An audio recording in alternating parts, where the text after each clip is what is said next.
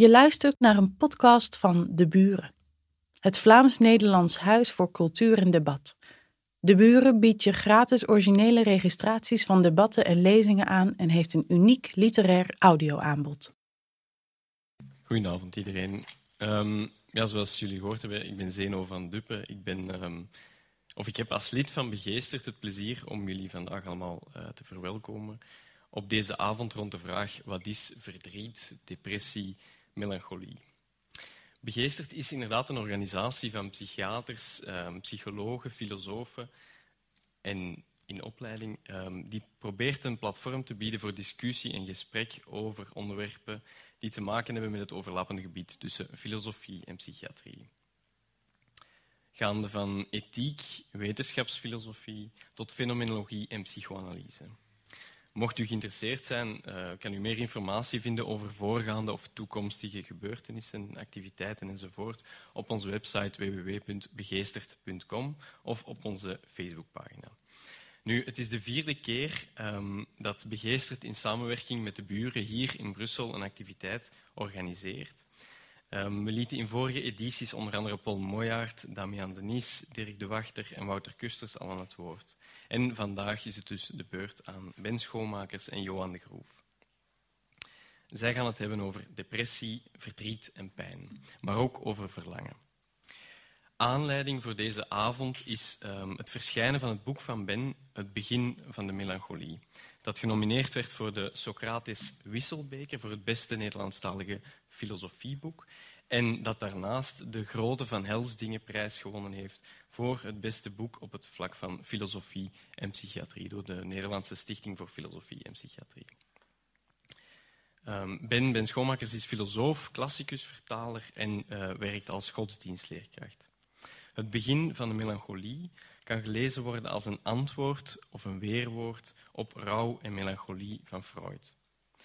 En net daarom leek het ons interessant om ook een andere stem aan het woord te laten, en wel die van Johan de Groef. Johan studeerde pedagogie, filosofie en antropologie en volgde de opleiding tot psychoanalyticus. Hij werkt als directeur van VZW Zonnenlied in Roosdaal, een tehuis voor en een dagcentrum um, voor mensen met een handicap. Daarnaast werkt hij naast klinisch als psychoanalyticus ook als docent aan het postgraduaat um, psychoanalytische psychotherapie van de KU Leuven. We beginnen de avond met de twee lezingen, eerst van Ben en daarna van Johan, waarna beide in gesprek zullen gaan met Anna Luiten, de moderator voor vanavond. En nadien is er nog de mogelijkheid om vragen te stellen of in discussie te gaan met de sprekers. We sluiten de avond ongeveer om 20 na 9 af met een kleine receptie. En voor ik Ben nu het woord wil geven, um, zou ik het naam van Begeesterd, uh, niet alleen jullie als publiek, maar ook de twee sprekers, Anna Luiten en vooral de buren ook nog eens willen bedanken voor uh, de organisatie. We hopen op een begeesterende avond.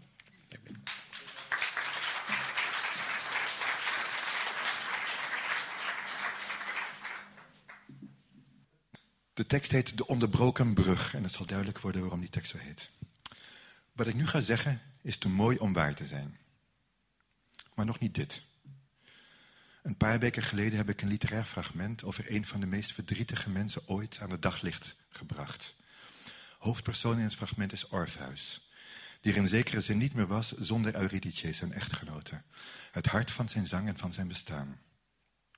Terwijl het feest van het huwelijk nog nagalmde, trapte ze op een adder, drager van gif tussen aarde en hemel.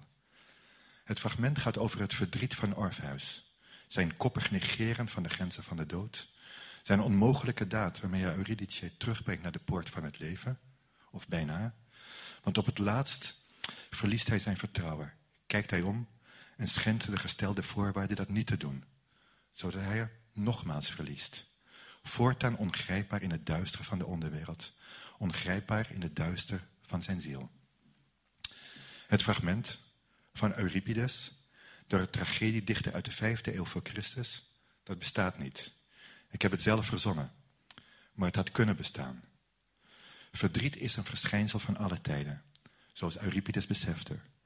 Er is niemand geweest die ooit zonder verdriet heeft geleefd. En deze woorden zijn wel van Euripides.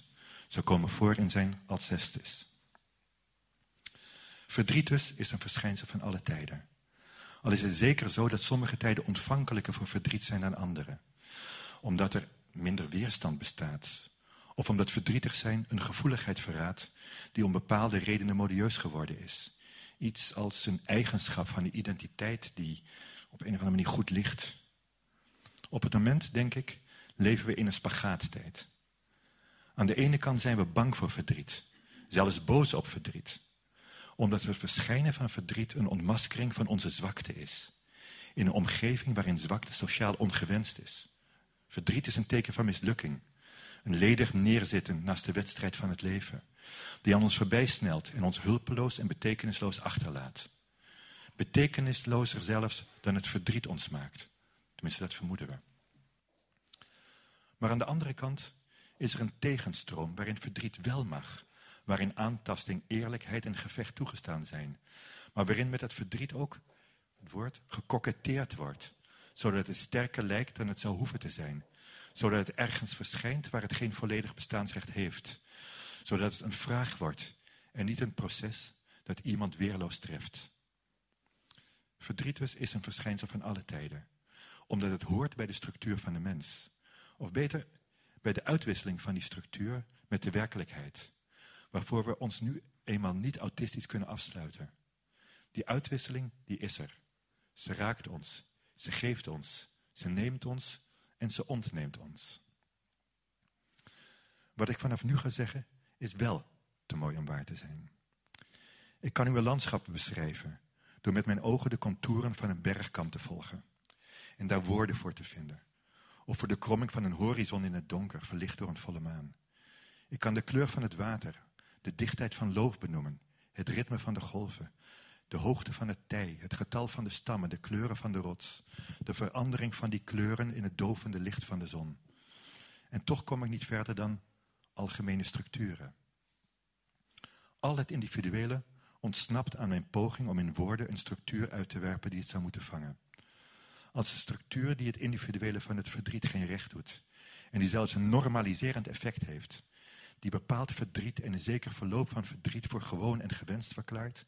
En impliciet, impliciet dus ander verdriet en een andere omgang voor ongewoon en ongewenst. Oef, je bent verdrietig. En herkent je toch niet in de structuur. En krijgt er nog eens verdriet bij. Namelijk omdat je niet herkent in de structuur. Of misschien juist niet. Want niet herkenbaar zijn kan ook als een deugd voelen. Ik ga proberen vanavond structuur in pijn en verdriet te brengen. Maar weet dat die structuur alleen een contour benoemt. En het individuele karakter van pijn en verdriet niet kan vatten. Ook het individuele zelf niet, of de grondtoon van het individuele bestaan. En natuurlijk, spreken over verdriet kan in de buurt van verdrietigen misplaatst zijn, is vaak misplaatst. Omdat de woorden meestal de pijn niet erkennen. Een woord heeft zich altijd al wat vrijgemaakt van de ervaring van de werkelijkheid. Een woord wijst de verdrietige aan, maar blijft op afstand. En het troost vaak ook niet. En het jacht het verdriet niet weg. Maar dit voorbehoud, dat helderheid blind of zelfs meedogenloos is, omdat ze aan het individuele voorbij dreigt te gaan, wil ik u toch spreken over de structuur van pijn en verdriet. Op een manier dus die te mooi is om waar te zijn. Spreken over verdriet begint in mijn opvatting met spreken over pijn. Het meest onvatbare. Dat wat het meest bij ons hoort. Dat we soms willen wegschreeuwen. Dat we soms ook voor onszelf willen houden. Helemaal voor onszelf. Zonder dat iemand het merkt. Zonder dat iemand onze pijn merkt. Terwijl we weten, terwijl we voelen, in de gaten hebben dat het in ons systeem wel degelijk zichtbaar is. In een houding, in een zwarte plek onder het oog. In afweer, om het zacht kan zijn. In, in afweer waar het zacht kan zijn in het paradoxe opzoeken van een schuilplek waar eigenlijk nabijheid verlangd wordt. Wat is pijn? De vraag geldt nu niet in eerste instantie de pijn in het lichaam, maar de pijn in de ziel. Hoewel het onderscheid tussen die twee plaatsen waar pijn zich kan voordoen dikwijls minder absoluut is dan we pretenderen. Omdat de ziel ook direct met lichaam verbonden is en omgekeerd. Zodat pijn die begint met een ervaring in onze psyche zich somatisch manifesteert. Een ervaring in de psyche? Ja, want dat, de ziel, de psyche, is de plaats waar we ons bewust zijn van onze bindingen, onze angsten voor de werkelijkheid, van onze verlangens, van datgene waarvoor wij in het leven een uitdrukking proberen te zoeken, van het succes van die poging om die uitdrukking te vinden. En op al die punten kan het misgaan. Zozeer mis dat we, in ons, sorry, dat we ons in dat web van hechtingen en onthechtingen, van drang en waarheid, op een plek bevinden waar we niet willen blijven en niet kunnen blijven, omdat het schadelijk voor ons is. Omdat er iets, een heel fundamenteel verlangen in de weg staat. Een verlangen dat fel is, uit zichzelf fel is of door omstandigheden. En dat stuit op iets dat er opeens is. Misschien is het gegroeid en nu pas zichtbaar geworden. Misschien is het onverwacht verschenen. Maar het is een breuk, een verwijdering, een onmogelijkheid, een schuld, een verlies. Altijd een verlies. Pijn in de ziel betekent dat we, als we op ons leven zouden kunnen neerkijken, op dat moment ergens zijn waar we weg moeten, van waar we moeten ontsnappen. Maar we kijken meestal niet op de pijn neer. Of toch niet in volle rust en met een wijds overzicht. Wel misschien met iets als een vreemde eenheidshelderheid. Of liever, iets in ons kijkt erop neer. En de pijn maakt als pijn duidelijk wat het gezien heeft. Voordat we dat beseffen. En we beseffen dat in de loop van de tijd. Dat we hier weg moeten omdat het mis is. Omdat het niet werkt. Omdat het leven hier niet werkt. Ik wil nu een onderscheid maken tussen twee soorten van pijn in de ziel. Er is de eerste de pijn van het verdriet. De pijn om iets dat niet meer werkt. Stel dat verdriet de pijnlijke ervaring van verlies is. Freud zou zeggen, verlies van een object buiten ons, een dierbare, een geliefde, of ook een droom. Een groot levensbepalend project dat niet meer levensvatbaar blijkt. Maar ik denk toch eerder het verlies van iets in ons. Iets dat zich gecentreerd heeft rond dat object. En dat daaraan eenheid, vitaliteit en permanentie ontleend heeft. En dat ons structuur en betekenis geeft. We hechten ons aan het geliefde. En als het geliefde op een of andere manier verdwijnt, en we weten dat die verdwijning definitief is, en meestal weten we dat bijna onmiddellijk, dan slaat ons de pijn om het hart, omdat we die hechting verliezen, de toegang tot het geliefde verliezen, en daarmee ook een structuur van ons bestaan verliezen. Liefde, weer, weer misschien iets te mooi om waar, meer, misschien zeg ik nu weer iets dat te mooi is om waar te zijn. Liefde kan ons structuur en de werkelijkheid voor ons betekenis geven omdat ze ons dwingt in de schier oneindige hoeveelheid levens die we in ons hebben, er eentje naar voren te laten komen. Er één voor al te aanvaarden. Een leven met bepaalde waarden.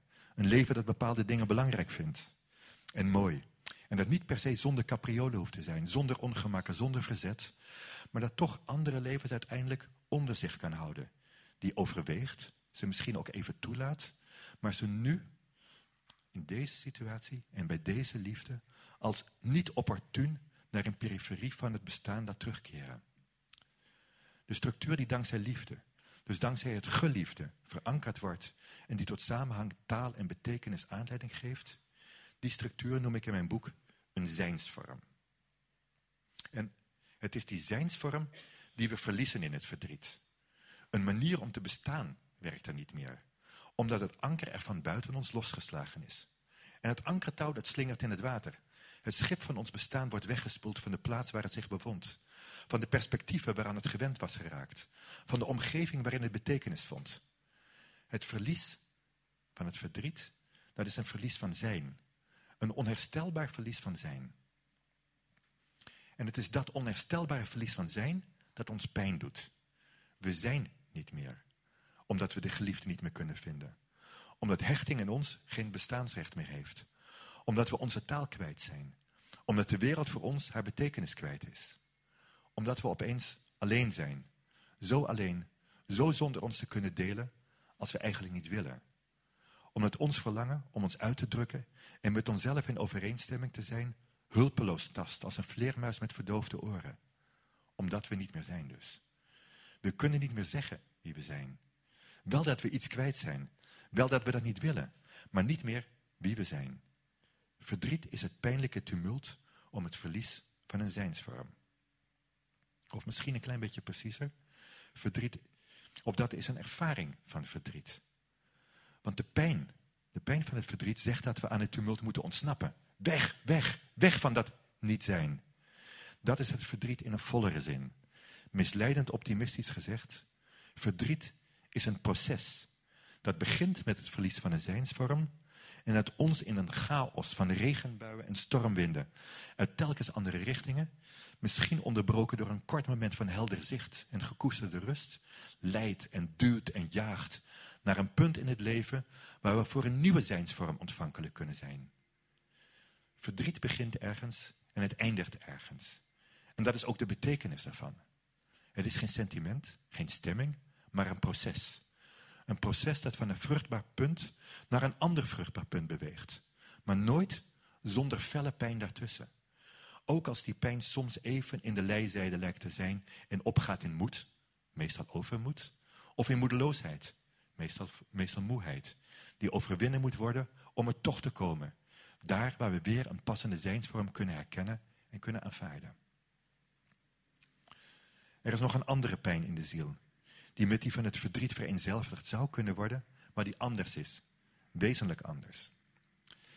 De pijn van het verdriet is die van het niet zijn na het zijn en voor het zijn. We zijn niet meer omdat de zijnsvorm waarmee we leefden, vruchtbaar leefden, aan stukken gegaan is. Het anker raakte los. De golven sloegen hem kapot. Maar we zullen weer zijn. Omdat het verdriet ons leidt naar een uitzicht op een gebied waar we een nieuwe vorm kunnen vinden. De pijn gaat dus over in hoop, in verwachting en in bereidheid. Maar nee, de pijn om het verlorene verdwijnt, denk ik, nooit volledig. Ik geloof dat niet. En denk zelfs dat de tijd een slechte heelmeester is. Vaak een kwakzalver, die met noodverbanden en afleiding en overdosis tegengif te werk gaat. Dat merken we soms bijvoorbeeld aan de uiterste rand van het leven, als we die naderen. Um, en zich dan het gemis weer in het gelaat kerft. Ook het gemis dat vele jaren eerder acuut was. Maar pijn heeft wel het vermogen om zich schuil te houden, lang schuil te houden. En gedurende die tijd niet meer mee te spelen in het leven. Of hooguit als een twijfel en een voorzichtigheid in zekere situaties. Of als een moment van melancholie bij een onverwacht afgedwongen terugblik. Misschien dat na de pijn van het verdriet de bewegingen van het lichaam bijvoorbeeld iets minder uitbundig, eventueel zelfs iets soepeler, iets beheerster zijn. Ook het lichaam kan natuurlijk minieme sporen van de geleden pijn vertonen. Maar de pijn zelf, die wijkt en dat moet ook. Een nieuwe zijnsvorm en een nieuwe liefde die het anker daarvan is, verdragen het niet goed om met pijn omhelst te worden. Ook als die pijn betrekking heeft op iets anders. Maar er is een andere pijn. Een andere pijn in de ziel die koppiger is. Hij zit dieper. Hij is fundamenteler. En gaat in zekere zin aan de zijnsvorm vooraf. En die heeft de vanzelfsprekende kracht het aanvaarden van een zijnsvorm onmogelijk te maken. Definitief onmogelijk, of voor een langere tijd onmogelijk. Want ook hier is herstel eventueel mogelijk, moeizaam maar het kan. Maar zoals veel herstel in het leven, zoals het overwinnen van bijna alle schade, zelfs als het lukt, het gebeurt niet zonder sporen. Niet zonder dat het systeem zich op een of andere manier de schade en de pijn herinnert. De pijn waar ik het nu over heb, die ervaren we op het moment dat er een aantasting plaatsvindt, meestal nog niet eens als pijn. Eerder begrijpen we niet wat ons overkomt, wat ons verwart, wat er onaangenaam is. Erg onaangenaam vaak. Het gaat om die brute inbreuk die we trauma noemen. En die niet een zijnsvorm attaqueert, maar iets attaqueert dat ik aarzelend en niet helemaal precies als het middelpunt van ons bestaan opvat. De plaats in ons waar we moeten worden wie we kunnen zijn. De plaats waarop we op onszelf, op ons denken, op ons voelen, op ons willen, op ons doen, op ons pogen en op ons slagen toezien. En ook op ons lichaam toezien. En het leven overzien. Waar we ook ons onszelf voelen. Waar we in ons leven wonen, die plaats. En bij een trauma wordt daar iets teweeg gebracht. Waarvan we achteraf, pas achteraf beseffen dat het die plaats kapot gemaakt heeft. Niet langer mee geschikt om daar met een zeker comfort te wonen. Bijvoorbeeld omdat we de muren ervan zijn gaan vervormen om de inbreuk te verdragen. Of omdat we de plaats zijn gaan afsluiten met glazen wanden van schuld en schaamte en onbegrip. Die in de loop van de tijd aangeslagen aanslaan en naar buiten alleen een mat uitzicht toestaan. Tenzij we er hier en daar een bres in zouden slaan. Maar als we dat doen, dan moeten we onze tenen gaan staan of op onze knieën kruipen om naar buiten te kijken. En van dat buiten een deel, een klein deel maar te zien. Dan zijn we even helder, even zijn we vrolijk, Even verlaten we de matheid voor een extase, voor een roes, voor een overweldigende geur van dat buiten. Maar wat is dat buiten dan? Als ik me niet vergis, onderbreekt een trauma, hoe dat ook tot stand komt, door een brute ingreep van buiten of door een langdurige corruptie van wil en vertrouwen en zelfbeeld. Als ik me niet vergis, onderbreekt een trauma de weg van het middelpunt naar de ervaring van het zelf. Dat ons zelf is en waarmee we vermoedelijk geboren worden. Net als de weg naar de ervaring van een verlangen. Geladen met kennis van onze geschiedenis en onze mogelijkheden. Dat ons op sleeptouw neemt en vaak eerder dan wij zelf, dan wij in dat middelpunt weten waarnaar we op weg zijn. Wat er voor ons goed is. Het is deze ervaring van zelf en verlangen, meestal diffuus, nooit helder en eerder een besef van aanwezigheid en een gevoel van goedkeuring of richting, die ons hoe dan ook de mogelijkheid geeft om een zijnsvorm te aanvaarden en die in liefde te laten verankeren. Als we niet weten wie we zijn, wat de uiteindelijke maatstaf van ons bestaan is, als we ons verlangen niet kunnen voelen, of alleen maar een fragment ervan, waarop we toevallig uitzicht krijgen, dan zijn we niet in staat ons leven een zijnsvorm te geven die bij ons past en die vruchtbaar is. En alles wat we daarvoor dan toch aanzien, wat we onszelf in plaats daarvan geven, zal een noodverband blijken. Een noodverband dat klemt en dat onvrij maakt, dat de onvrijheid in stand houdt. Pijn om een trauma is er vaak niet onmiddellijk, maar verschijnt later. Als zich het besef begint aan te dienen dat er toen destijds iets heel erg misgegaan is. Als we daar woorden voor gaan zoeken. Als we tot ons laten doordringen wat er eigenlijk misgegaan is. En dan nog geldt de pijn niet altijd de gebeurtenis zelf. Of de situatie die ons gegijzeld heeft. Maar meestal eerder het blijvende effect daarvan. En dat bestaat juist in die onmogelijkheid om een zijnsvorm te vinden. Misschien iets preciezer gezegd. In de frustratie over de drang, die kennelijk in het natuurlijk programma van het leven opgenomen mogelijkheid om uit te oefenen um, om wie we zijn, wat we doen en waar we ons aan hechten, om dat aan dat zelf en aan dat verlangen te toetsen en te eiken. Die drang lijkt in ons programma te zitten. En die drang, die komt telkens niet verder. Alsof we een brug over willen steken, die halverwege onderbroken blijkt te zijn. Zodat wij omlaag vallen, terug naar de oever spoelen, uit het water klauteren en de brug opnieuw beklimmen. Het is niet voor niets dat we bij een trauma terugkeren naar het moment dat die brug voor ons vernietigd werd. We willen zijn. We willen een zijnsvorm. En blijven daartoe koppig op zoek naar het natuurlijke kompas dat er de voorwaarde voor is. En, en dus keren we telkens terug naar het moment van die inbreuk. Waar de brug kapot ging. In de hoop dat we er, er een intacte brug kunnen vinden.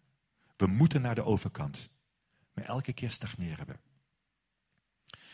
Dit is een pijn die we niet makkelijk kwijtraken. Het lukt zelden, maar het kan. Als dat contact met het zelf en met het verlangen hersteld wordt. Maar dat is denk ik alleen mogelijk als er gedurende lange tijd geen uitwegen meer nodig zijn. Geen tijdelijke oplossingen. Geen ongelukkige, slecht passende, meestal om een direct verdovende of extatische effect verkozen zijnsvormen, die van dag tot dag afgeworpen en weer opgepakt worden. Identiek of een beetje aangepast of eventueel radicaal anders. De aanslag op het raam kan in de loop van de tijd verdwijnen, als we wachten. De mist druipt dan traag omlaag, als tranen die van het kozijn vallen. En er ontstaat zicht, misschien voor het eerst. Maar ook dan nog bestaat er de kans dat we in de loop van het leven pijn blijven hebben.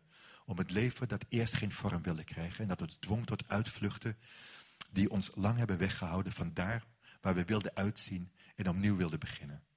Maar misschien kon het gewoon niet anders.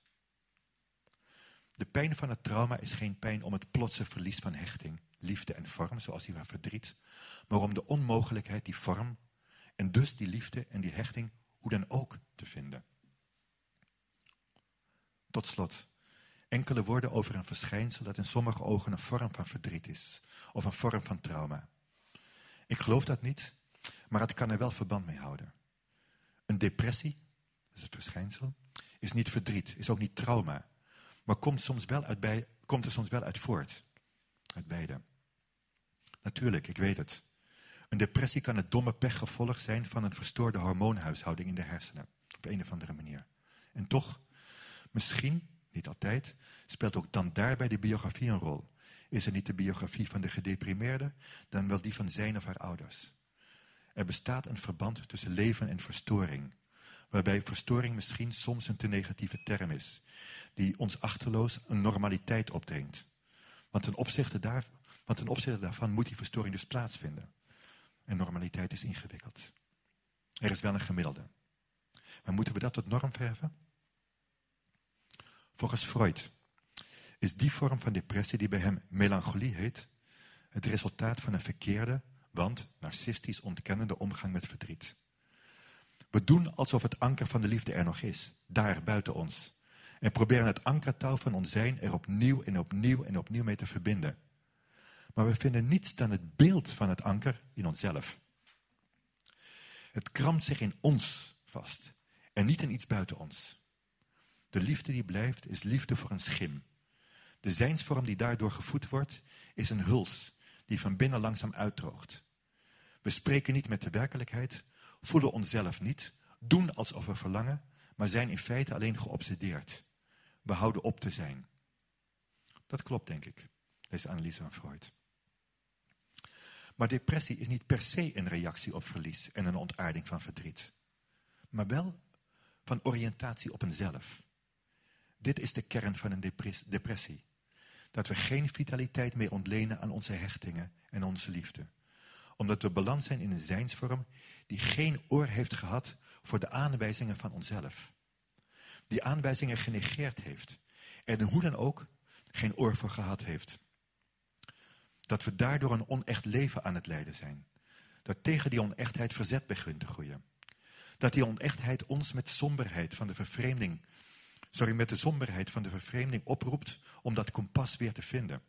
Dat we ons ervoor gaan schamen het kompas niet gezocht te hebben. Dat we daardoor denken het nooit meer te vinden.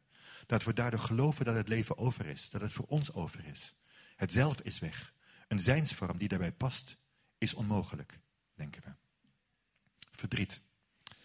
Het door verlies van een zijnsvorm in gang gezette proces is dus een situatie die soms tot depressie verglijdt. Vooral als het leven hoe dan ook niet op een solide bodem gevestigd was.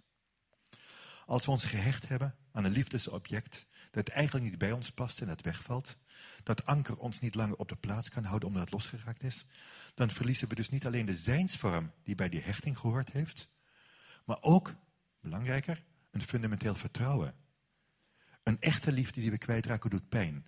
Het was goed. Het was zoals we wilden, maar het werkt niet meer. Het is onmogelijk. De liefde is over. De dood heeft haar weggegist. Of de liefde is niet over, maar hoort bij een andere fase van het bestaan. Iets in ons dwingt ons op een andere wijze vruchtbaar te zijn.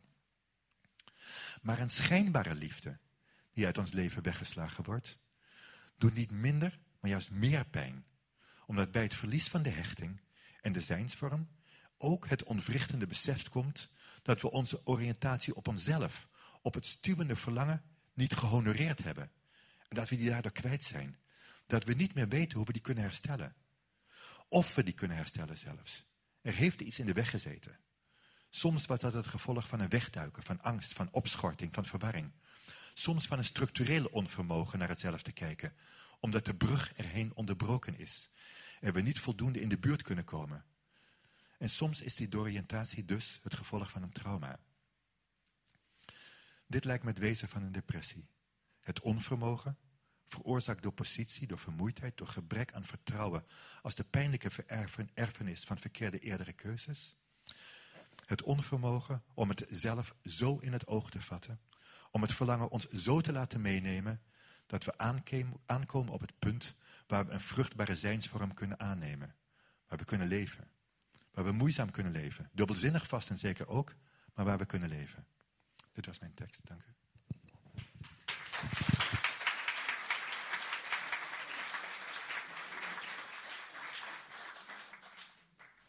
Goedenavond. Mijn tekst, net zoals die van Ben, die zal ter beschikking gesteld worden. Wat maakt dat ik geen tekst ga aflezen. Vandaar dat ik iets in de hand moet hebben om mij, mij houvast te geven. Maar ik ga proberen mijn punt kort en klaar en duidelijk te maken. In een viertal stappen. Eh, men had mij gevraagd uh, als discutant op te treden, dus ik was verplicht. Nadien, gelukkig heb ik er ook plezier aan gehad om uw boek te lezen. En ik ben het op een aantal punten ermee eens, maar ten gronde ben ik het er niet mee eens. Dat belooft dus leuk te worden, hopelijk voor iedereen. Waarom niet één? U begeeft zich in de, wat mij betreft, zeer interessante en lange geschiedenis van denkers, dichters en filosofen die over het thema melancholie schrijven en geschreven hebben. Vooral in het Westen. Om het met een melancholieke term te zeggen, schrijvers, denkers in het avondland. Maar dat is het melancholiebegrip met een zeer hoog filosofisch en literair karakter. Een zeer interessant. Maar mijn punt is, ik ga uit van de kliniek. En dan mis ik fundamenteel enkele zeer essentiële dingen. Minstens in aanvulling en waardoor wat je zegt ook op een andere plaats komt te staan. En melancholie, en zeker ook de depressie, zoals je ze benoemt, eigenlijk een ander verband met elkaar. Hoe ga ik te werk? Evident uh, vanuit mijn dagdagelijkse praktijk. Ik ben geen academicus. Uh, een praktijk waar ik zeer veel geconfronteerd word met pijn en verlies en vooral ook met veel onmacht, want heel veel problemen in de geestelijke gezondheidszorg krijgen niet zomaar een oplossing alsof het om een klontje suiker gaat dat in de koffie oplost. En daar heb ik eigenlijk vanuit de psychoanalyse heel veel geleerd. Waarom? Een eerste punt. Ik ga uit van wat bij Freud het, kristalprincipe noemt. Ik ga niet technisch worden, maar wat is de essentie daarvan? Niets menselijks is mij vreemd, hoe vreemd een mens ook kan doen. Dus het is niet daar zitten de abnormalen en hier zitten de normalen. Zo eenvoudig is het niet. Dat, is, dat principe is eigenlijk zeer radicaal doorgedacht. Mijn excuus voor de ingewikkelde term, maar ik zal dat ook eenvoudig houden in het denken van Jacques Schotte, die zich baseert op de Hongaarse school van Sondi, de antropopsychiatrie. En wat is daar de fond van? Namelijk dat wij bijvoorbeeld in de psychiatrie, in de psychopathologie, op een monsterachtige wijze, maar ik bedoel hier monster in de zin van zuiver, een monstergoud, op een zuivere wijze iets gepresenteerd krijgen van wat algemeen, vandaar antropo, algemeen menselijk is. Vandaar niets menselijks is mij vreemd. Waar je ook komt in de kliniek, menselijk lijden in zaken geestelijke gezondheid is nooit zo vreemd dat het je niet kan raken en dat het dus niet iets reveleert wat essentieel menselijk is. Dat wil dus zeggen dat we in zekere zin allemaal ervaringsdeskundigen zijn. Op basis van die theorie van de antropopsychiatrie, die ik u niet uit de doeken kan doen, laat staan in 20 minuten, dat zou geweld uh, aandoen zijn aan jullie, maar zeer kort en dus niet technisch.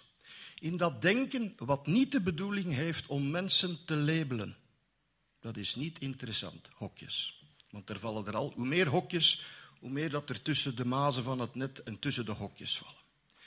Het interessante daaraan is dat het een soort van bril is, een soort heuristisch kader, dat uitgaat van de theorie, voor een deel gebaseerd op Freud, dat er vier grote thema's zijn in het leven van elke mens. Vier registers, waar elke mens op een of andere manier in wisselende mate mee te maken heeft.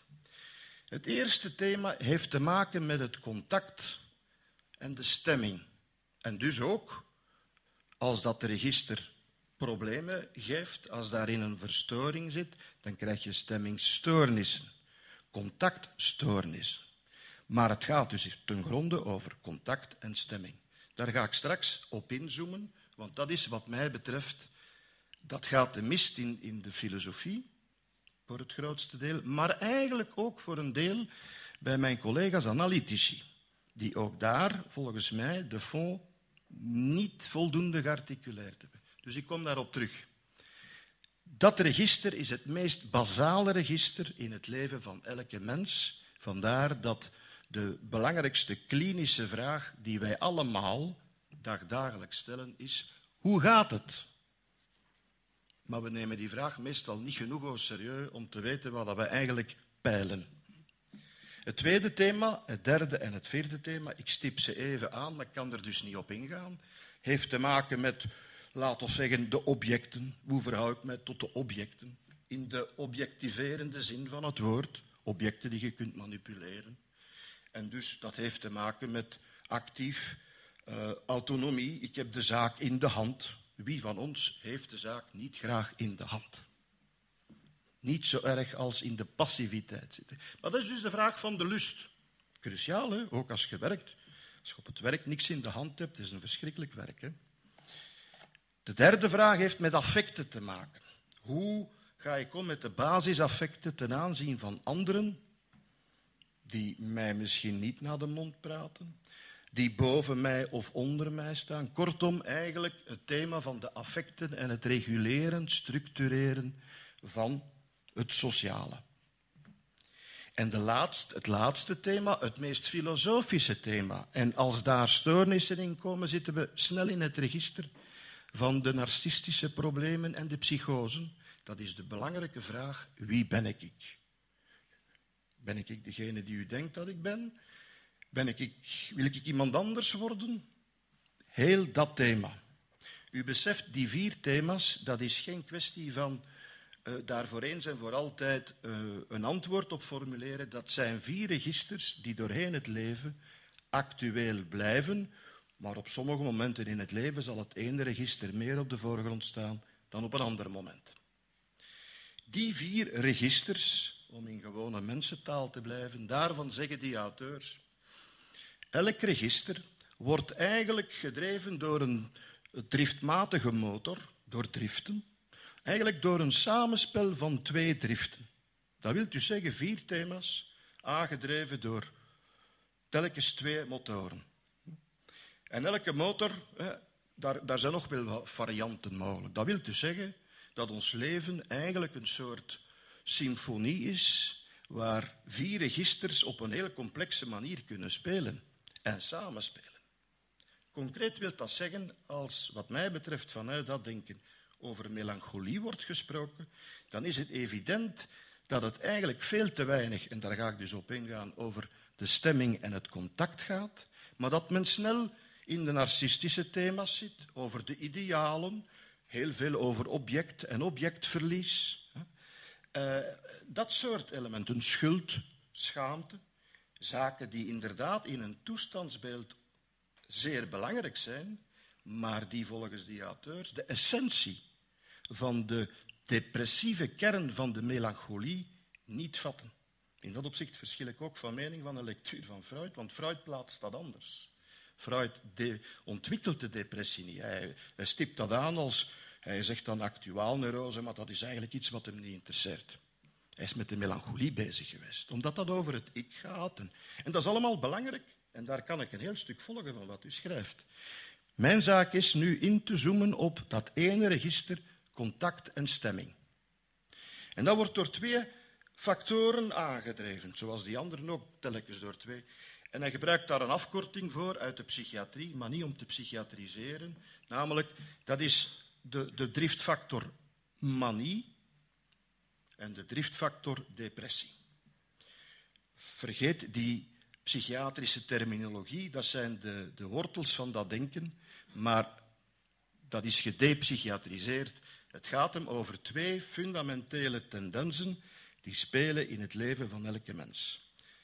Ik zoom in op die twee driftfactoren. En ik begin met degene die ons het meest vertrouwd is, omdat ik wil eindigen met degene die het belangrijkste is en waar eigenlijk veel te weinig over gezegd wordt. Dat van de depressie, dat is de dynamiek van kleven, er blijven aankleven of op zoek gaan. En dat is wat we natuurlijk klassiek kennen als het over objectverlies gaat. Het, het, het object waar men aan gehecht is, valt weg. En dan zijn er heel veel verschillende kwalificaties van dat wegvallen ten gevolge waarvan en hoe en zo meer, heeft natuurlijk een ongelooflijke impact op hoe wordt dat beleefd, onder andere. Maar blijft men daar aan hangen, aan plakken, ja, dan sluit zich een stuk toekomst af. In dat opzicht is verdriet nooit toekomstgericht. Het is het verlangen dat toekomstgericht is. En verlangen zou dan betekenen, ik kan van dat object weg en ik kan op zoek gaan naar een nieuw object, een erzats. In dat opzicht hebben wij geleerd, en in dat opzicht spreekt natuurlijk de tragedie van Orpheus tot de verbeelding, maar dat is al een zeer complexe en ver afgeleide. Daar hebben wij gelukkiglijk geleerd vanuit de kinderpsychologie, ja, dat in elk verlies alle vorig verlies mee resoneert. En blijkbaar is geboren worden op een of andere manier, begint levensnoodzakelijk met verlies. Uh, dat is de overgang die Winnicott zegt van tot een bepaald moment zijn we ons moeder, maar, en dat heeft dan te maken met een aantal maanden later, op een bepaald moment heb je een moeder. Het hebben en dan komen de objecten. Dan is moeder van de slag een object geworden. Een object in de psychologische zin van het woord is iets anders uh, dan het, de kapitalistische opvatting van objecten die te koop zijn en kunnen verkocht worden. Een psychologisch begrip van object is anders dan wat u zegt, is altijd ook al een relationeel en een intersubjectief gegeven, ook voor Freud. Vandaar, een object verliezen is ook altijd zelfverlies. Maar goed, voor discussie vatbaar. Maar dat is een tendens van kleven of kan ik op zoek gaan? Dat is één dimensie. Maar die speelt samen met die andere driftfactor die mij het meest fundamenteel lijkt. En ik zal u proberen uit te leggen waarom mij dat zo fundamenteel lijkt vanuit de kliniek.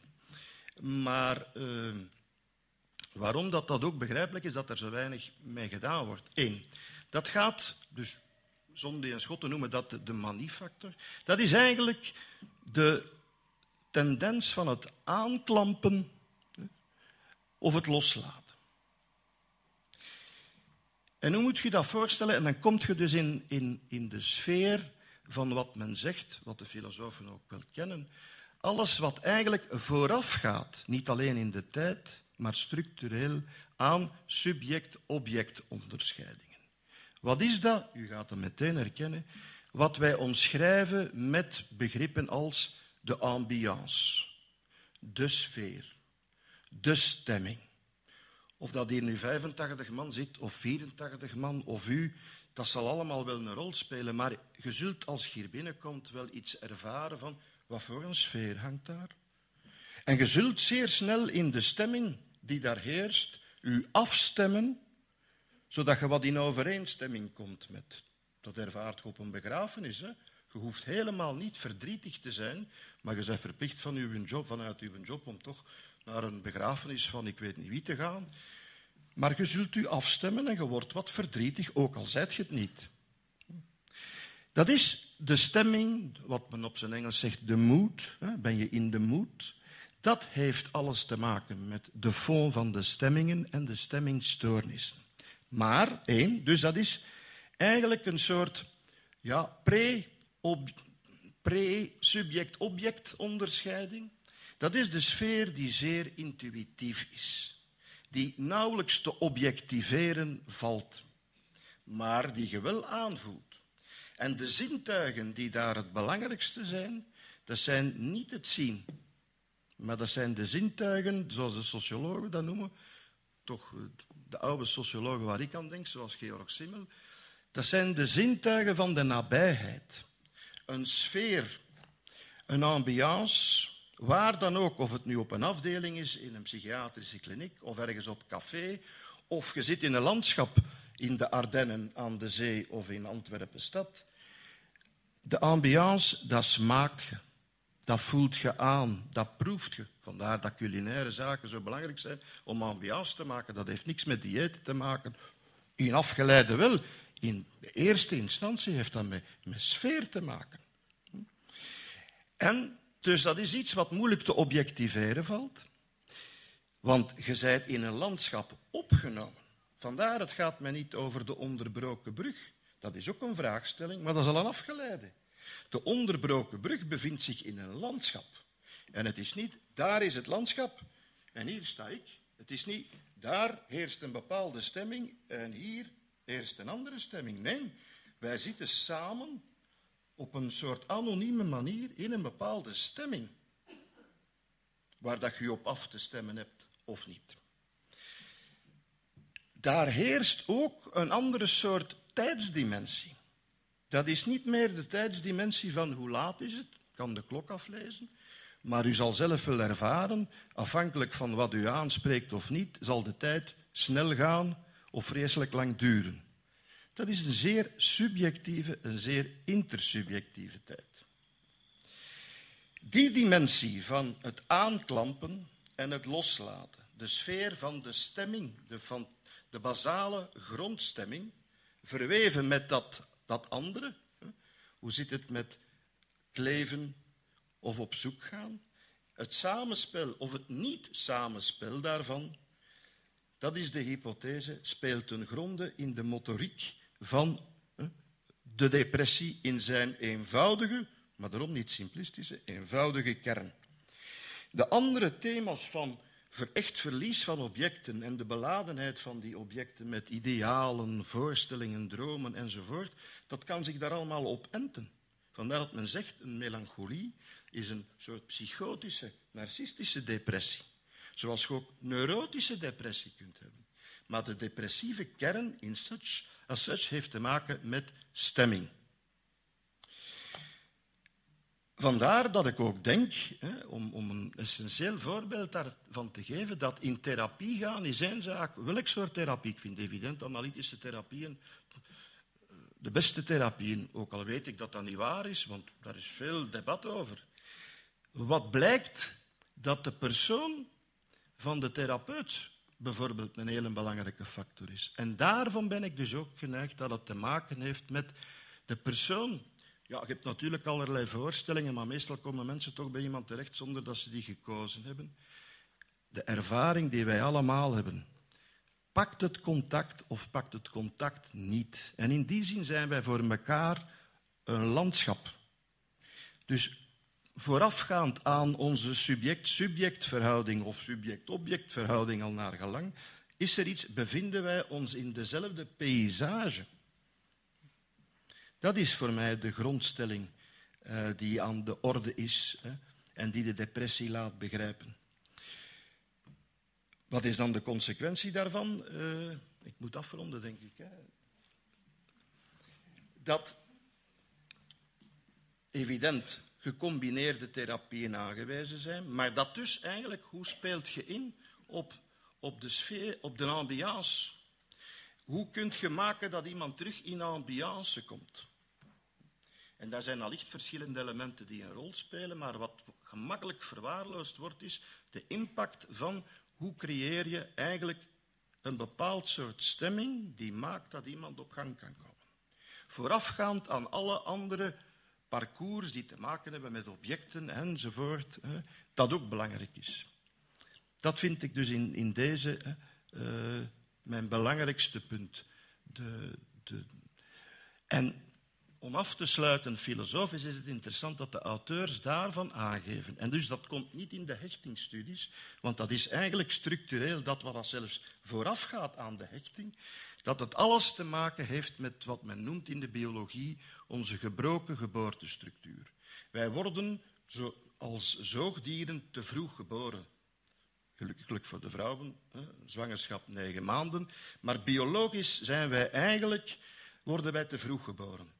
Fysiologisch zou die dracht veel langer moeten duren om eigenlijk een kind ter wereld te zetten dat een voldoende zelfstandigheid heeft, zoals we dat herkennen bij de andere zoogdieren. Dat te vroeg geboren worden geeft, maakt dat we alles moeten leren, dat we heel veel moeten ervaren, maar dat er dus ook heel veel kan mislopen. En de auteurs voeren dat daarop terug, dat bij als het ware, en je zou kunnen zeggen, is dat het soort voor geworpenheid, hè, wat de fenomenologen wat ontwikkeld hebben, dat wij eigenlijk ja, uit een soort landschap vallen om ons vervolgens tegenover een landschap en alles wat in dat landschap zich bevindt te moeten gaan verhouden.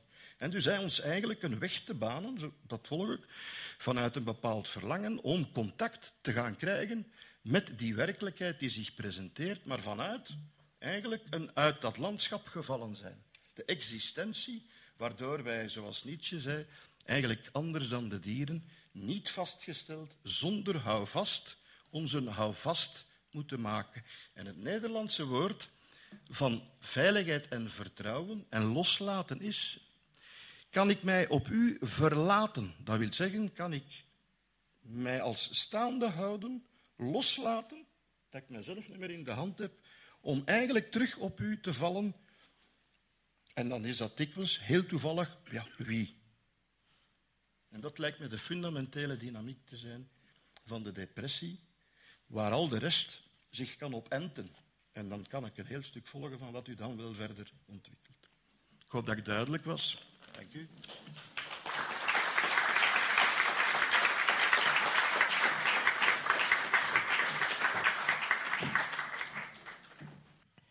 Ja, ik ben Anna Luiten. Ik ga even in dit uh, landschap komen met hopelijk uh, jullie aller zintuigen van nabijheid en uh, we houden de stemming erin.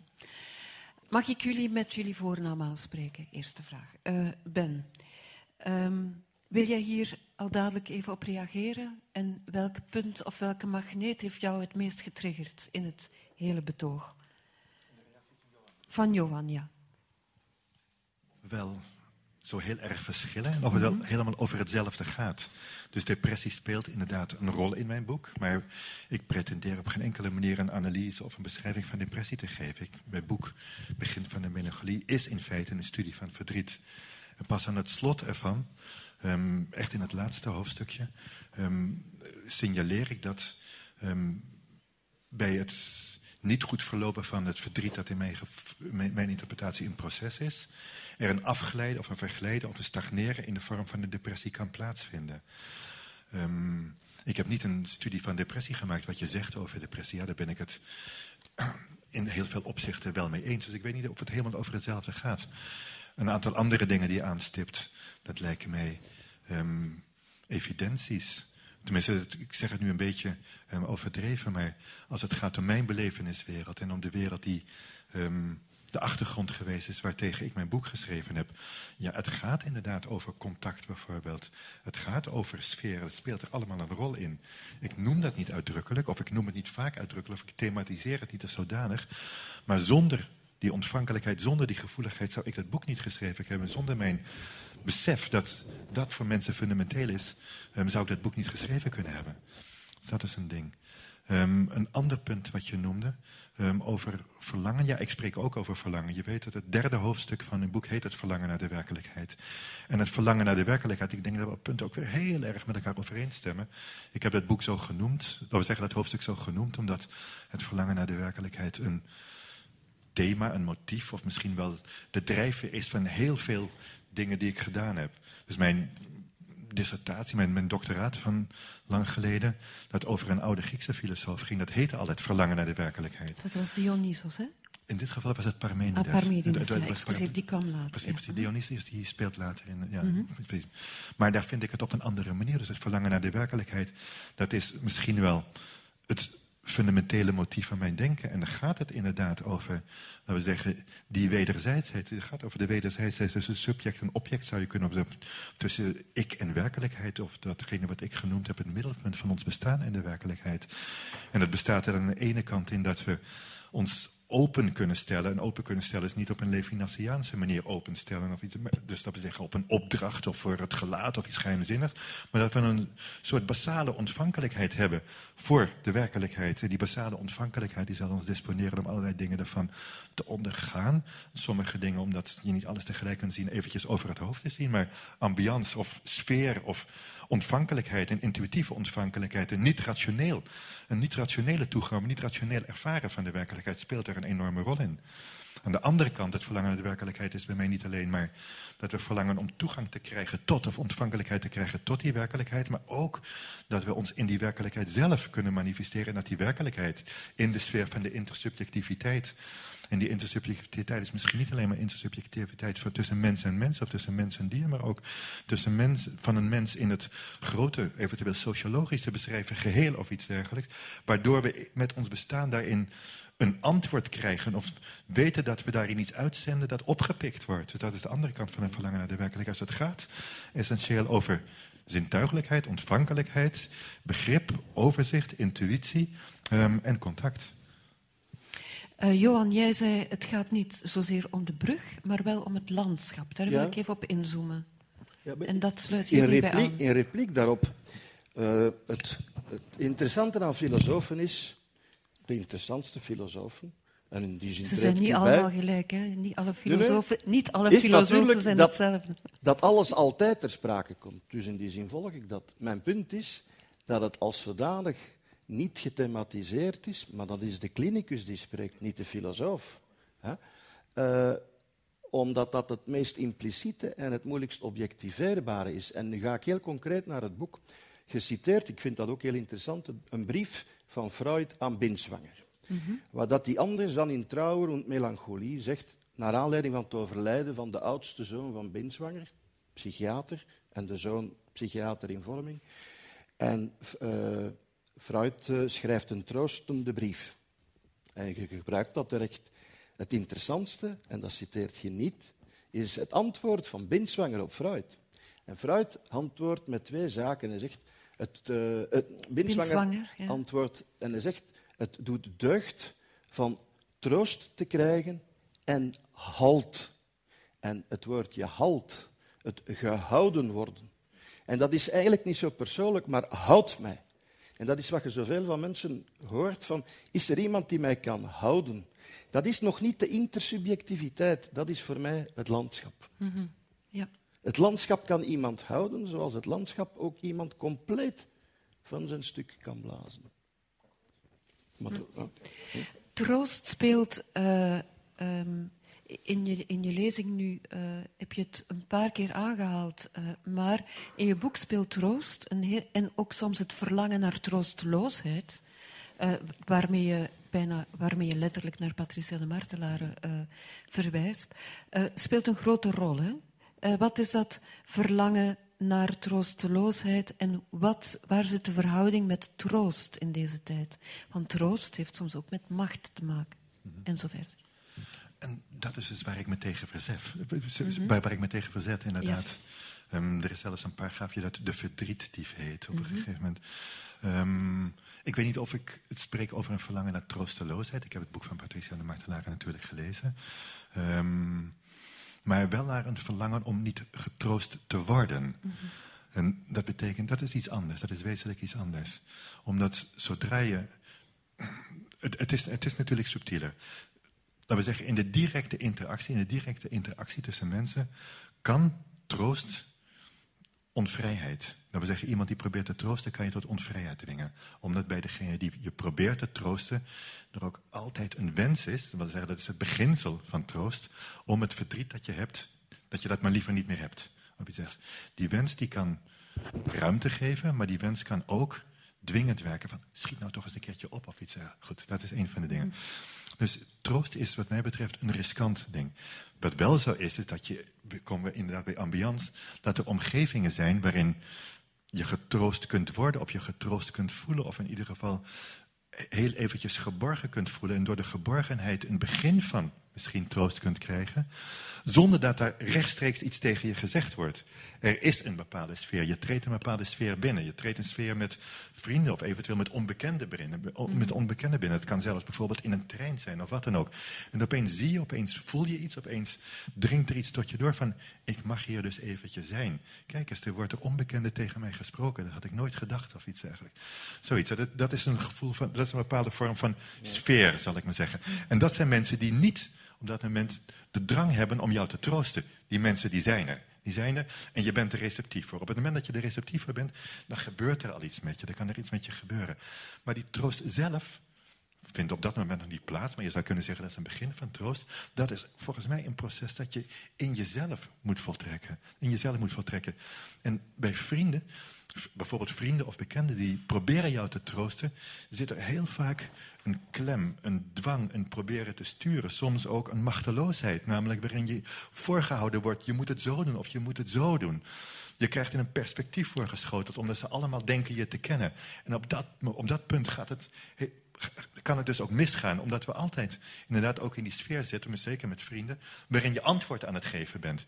Als het gaat om verdriet, verdriet dat is iets wat je zelf treft. Je bent in het verdriet, ben je alleen. Verdriet is dat er iets in jou verdwijnt verankerd, verbonden met een object buiten je, maar in jezelf gaat er iets kapot. Dat moet je in jezelf herstellen.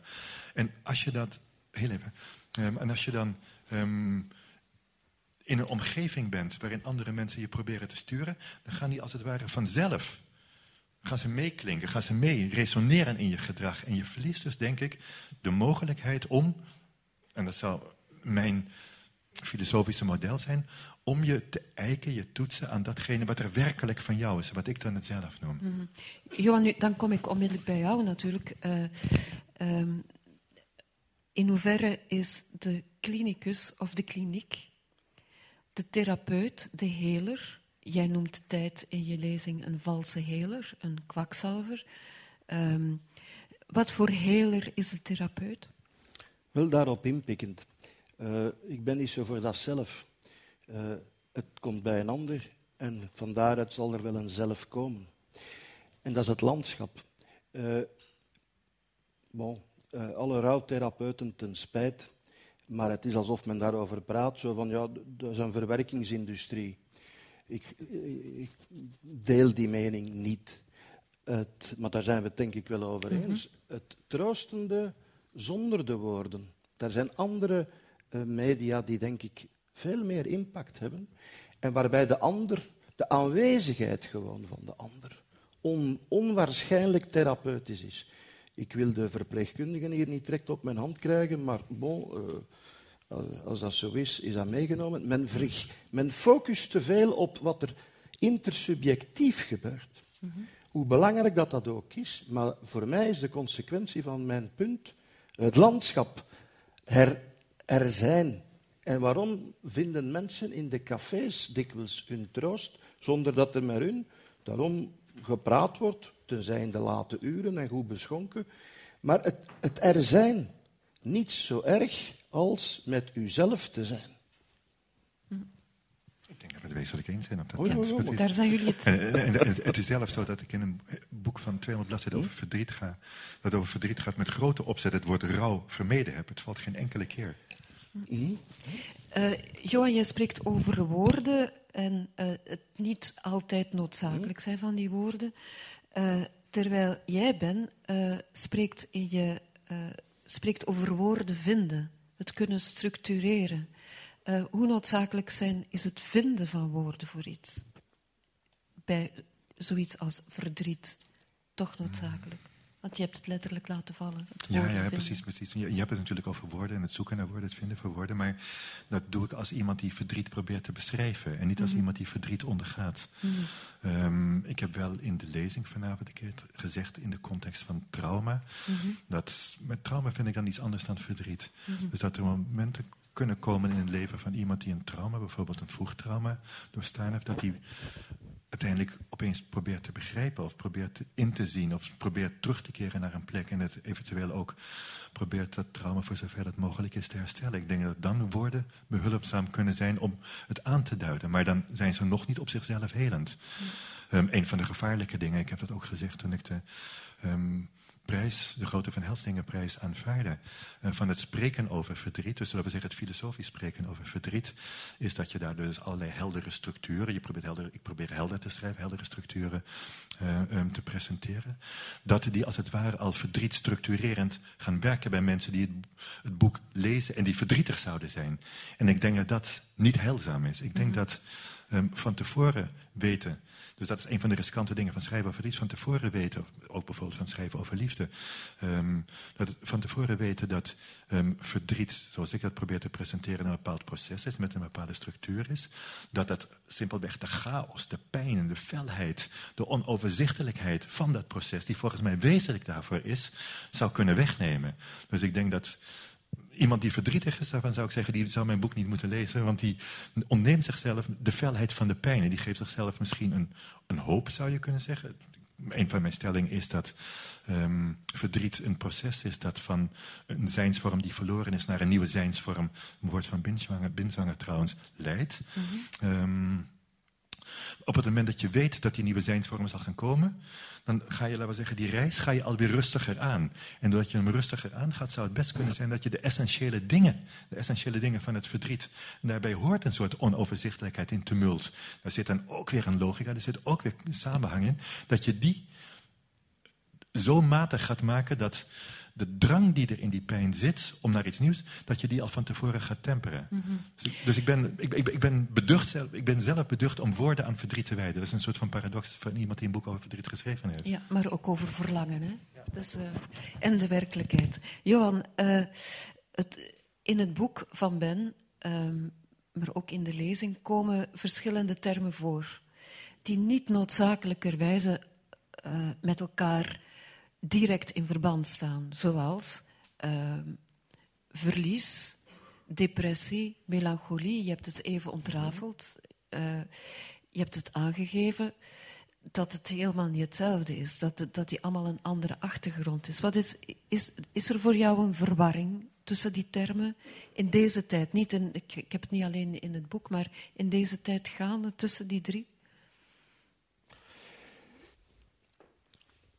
Uw, uw, boek is een complex weefsel. Dus in dat opzicht. Mm, dat mag, hè? Zou, dat moet ah ja, ja, dat, ik, ik, dat, verwacht ik van filosofen.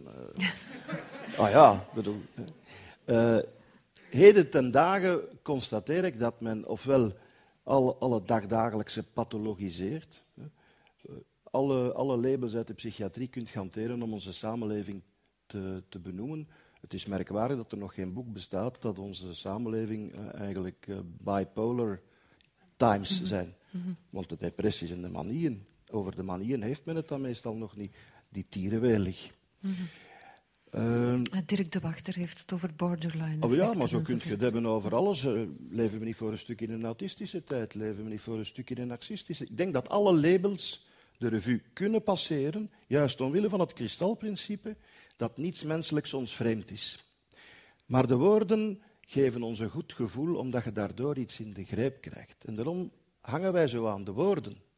Terwijl het landschap is eigenlijk wat in de esthetische ervaring, want het, de esthetische heeft niks met de musea te maken, maar met de aesthesis, de zintuigelijkheid, mm -hmm. maakt mensen meestal sprakeloos. En ik vind het klinisch het moeilijkste om eigenlijk er te zijn en uw mond te houden als de andere niet spreekt. En dat heb ik al veel meegemaakt. En dan, wij willen als therapeuten en hulpverleners van alles doen. En dus spreken, ja goed, maar soms is het professioneler om iets niet te doen. Mm -hmm. En bijvoorbeeld landschap te worden. En dat vind ik, daarvoor kan het koken en, en gaan wandelen. Eigenlijk, wat zo banaal is, zo cruciaal zijn. Hebt u het in dat opzicht over aandacht, de noodzaak aan aandacht? Ja, maar zelfs niet te zeer gefocuste aandacht. Er zijn een soort beschikbaarheid. En dat vind ik belangrijk aan een analytische therapie, los van wat daar gezegd wordt. En men zegt altijd inzichtgevend. Ik geloof daar allemaal niet. Inzicht, ja goed, uh, maar wat zei je met dat inzicht? Wat veel belangrijker is, de betrouwbaarheid, dat er een soort onvoorwaardelijkheid is van dat er iemand is die, wat ik ook te zeggen heb, of niks te zeggen heb, er is en zijn, zijn mond houdt en luistert. Erkenning. En erkenning wil nog niet direct zeggen dat je veel woorden gebruikt, vind ik. Dat, dat zeg je ook niet. Hè. Maar men tendeert daartoe. En dat vind ik een probleem in deze tijd, dat men alles psychologiseert, pathologiseert. Uh, op den duur ook alles gaat normaliseren. Hè. Want nu wordt er zo over depressie gesproken. Daar wordt nu alles, uh, alles is trauma. Ik vraag me af, loopt er nog iemand rond die niet getraumatiseerd is? Ja, als dat het geval is, wat betekent dat dan nog? Er gebeuren veel erge dingen. Maar het is wel merkwaardig in de paradox waar we leven, dat iedereen met de onderzoeken aangeeft dat we eigenlijk in de gelukkigste tijd leven in de geschiedenis. En ik heb geen redenen om dat te betwijfelen, ondanks veel miserie. Maar hoe komt het dan dat het zo moeilijk is? Hoe komt het dat er zoveel depressies zijn? Er is, je, ja, is nog nooit zo weinig verloren. Ben, je hebt het uh, over die, de, onze tijd waarin we leven en uh, dat we in een spagaat leven. Uh, ik denk dat het belangrijk is om daar even op, dieper op in te gaan. Aan de ene kant denk ik dat er een, um, een wezenlijke angst is voor wat ik dan verdriet noem en ook voor trauma mm noem. We willen dat natuurlijk helemaal niet. En het wordt um, gevoeld als een teken van niet mee kunnen in een bepaalde samenleving. Um, je hebt natuurlijk de eeuwige glimlach. Dus kijk maar eens naar posters of iets, zo'n reclameposters. worden voortdurend aangemoedigd te glimlachen. Behalve tegenwoordig bij ons paspoortfoto, geloof ik. Dan moeten we gedeprimeerd mhm. kijken, mhm. als ik het goed begrepen Anders heb. zijn we onherkenbaar. Anders zijn we onherkenbaar, precies. precies. Als, we lachen, dan, als we lachen, worden we onszelf. en als we gedeprimeerd zijn... We ja, goed. ja. Lijkt meestal, worden meestal gevangenisuitdrukkingen, trouwens. Dat is een ander verhaal. Um, maar ik denk dat het wel zo is. Dus we zijn aan de ene kant bang voor verdriet. En we leven natuurlijk in economisch goede, omstandigheden, goede omstandigheden. Dus ik heb me bezig gehouden inderdaad ook met de oudheid en met de Euripides. En die mensen die leefden van oorlog naar oorlog. Of die zijn dagelijks, je wist niet wat de winter zou brengen. Je wist niet wat, er allemaal, wat je allemaal kwijt zou raken. En um, als er een slechte oogst geweest was in de buurt van Athene, dan werden um, er bepaalde mensen op een bootje gezet. En die moesten naar een ander gedeelte van de uh, Middellandse Zee en mm. emigreren en niet meer terugkomen zonder dat er een e-mail was of een WhatsApp of wat dan ook. Dus die verloren het contact met de plek van waar ze kwamen. Dus we leven dat betreft een heel gunstige omstandigheden. Ik denk dat het zo is dat er um, misschien geen verlangen naar troosteloosheid is, zoals Patricia het gezegd heeft. Maar het zou kunnen zijn dat we ook op een bepaalde manier een bepaalde behoefte hebben om pijn te ervaren, verdriet te ervaren. Um, maar dat we in deze, laten we zeggen, tijd waarin um, er voor alles een pijnstiller te vinden is, die behoefte wel hebben, maar die pijn niet meer als pijn aankunnen. Dus dat we heel veel, noem het erzatspijn, dus laten we zeggen pijn die voor echte pijn in de plaats komt, gaan meemaken. Dus het gaat zo even over trauma. En als ik over trauma probeer te spreken in mijn lezing of in mijn boek, dat doe ik daar maar één of twee keer. Um, dan denk ik inderdaad over mensen die iets, werken, die vreselijks hebben meegemaakt. Dat kan in de oorlog zijn, dat kan in de vroege jeugd zijn. Um, we kunnen zelf een aantal van die voorbeelden verzinnen, dat hoeft hier niet. Um, maar er vindt een soort inflatie plaats van deze verschijnselen. Dus er zijn mensen verdrietig die het wel nodig hebben om verdrietig te zijn, maar tegelijkertijd, omdat we allemaal in gunstige tijden leven, um, maar eigenlijk maar doen alsof ze verdrietig zijn. Je zou natuurlijk ook kunnen zeggen dat in de moderne tijd um, verdrietig zijn zelf alweer minder ernstig is geworden. Dat geloof ik eigenlijk niet. Maar dus, we huilen op, dus, dus mensen huilen massaal om dingen er hoeft maar een popster dood te gaan of een, of een volkszanger dood te gaan. En in, in Nederland is André Hazes een paar jaar geleden overleden. En het stadion dat was vol met mensen die stonden te huilen om het, om, om, om het verlies van deze meneer, die ze nooit gekend hadden of iets. Dus er is wel een behoefte om verdriet te hebben, maar het is verdriet dat ons niet meer persoonlijk aanraakt of ontwricht. En verdriet dat niet ontwricht is wat mij betreft geen verdriet. Dus verdriet dat, verdriet dat je um, niet we zeggen, in de war brengt omdat je er niet meer bent en dat je niet uitdaagt. Uitdagen is een te lief woord om naar iets nieuws te gaan. Dat vertoont symptomen van verdriet, maar dat is geen werkelijk verdriet. Dus wat ik denk dat er in de moderne tijd gebeurt, is dat we symptomen van verdriet en symptomen van trauma gaan vereenzelvigen met verdriet en met trauma, om maar te doen alsof we verdrietig zijn, om maar te doen alsof we, of we trauma hebben, omdat er aan de ene kant een behoefte is om pijn te hebben, maar dan weer geen echte pijn, want echte pijn vinden we niet leuk, maar we willen wel pijn hebben. Um, en om dat ook met andere mensen te kunnen delen. Om te laten zien, kijk eens, ik ben een verdrietige, ik ben een getraumatiseerde. En er zijn perioden in de sociologische context, heb ik wel eens over nagedacht, daar zouden we eens een andere keer over kunnen hebben. Um, de, sociologische context maakt dat soms interessant om slachtoffer te zijn, om verdrietig te zijn, om pijn te zijn, dan krijg je iets, dan krijg je iets. Dus als je niet iets echts te tonen hebt op een bepaald moment, of in deze wereld waarin we allemaal een beetje, veel mensen een beetje een dagelijks slavenbestaan of een bestaan zonder onderscheid leiden, um, dan is um, de mogelijkheid om sympathie te krijgen door middel van verdriet, dat is een welkome uitvlucht, zou ik zeggen. Ik profeseer nu maar op een aantal hm. punten. Uh, en jij noemt dan langs de andere kant verdriet ook een noodzakelijk iets om mens te worden. Gemis als noodzaak, Johan. Als gegeven, ik weet niet, ben, versta ik u goed? En als dat zo is, denk ik dat we het eens zijn dat we een, een soort tragische mensvisie delen. Ik vind niks ergers dan die positieve psychologie. Het leven zit zo niet in elkaar. Ik ben geen pessimist. Dat is iets anders. Maar ik zou zeggen, uh, was het Toon Hermans, zeg maar ja tegen het leven op voorwaarde, versta ik je goed, dat leven inderdaad ook inhoudt dat er verlies is. En daar is een, een, een ten gronde verlies, namelijk als we uit het landschap gevallen zijn. Je zou kunnen zeggen, is dat de hemel waar dat we uitgevallen zijn hè? en met een gebroken been moeten rondhuppelen, hinkend, hè? Uh, om onszelf eigenlijk een thuis te maken, maar de echte thuis, die zijn we eigenlijk altijd wat reddeloos verloren. Mhm. Dat lijkt mij de condition humaine, maar ik noem dat niet pessimist. Het punt is van, is er inderdaad het verlangen, de drive, om, om daar creatief mee aan de slag te gaan. En daarvoor heb je, heb je een landschap, heb je aanwezigheid nodig, heb je anderen nodig. En misschien staat dat wel zwaar onder druk, dat in onze samenleving, een individualistische samenleving, bedoel, uh, kijk maar naar de massamanifestaties. Uh, Tomorrowland, dat is, dat is één massaal uh, antidepressivum. Hè? Dat, is, dat is een sfeer creëren en mensen komen daar, of op een voetbalplein, omdat men, denk ik, die, die dragende grond een stuk mist om een elan te vinden, om dan aan de slag te gaan. Maar delen wij een tragische mensvisie of nee?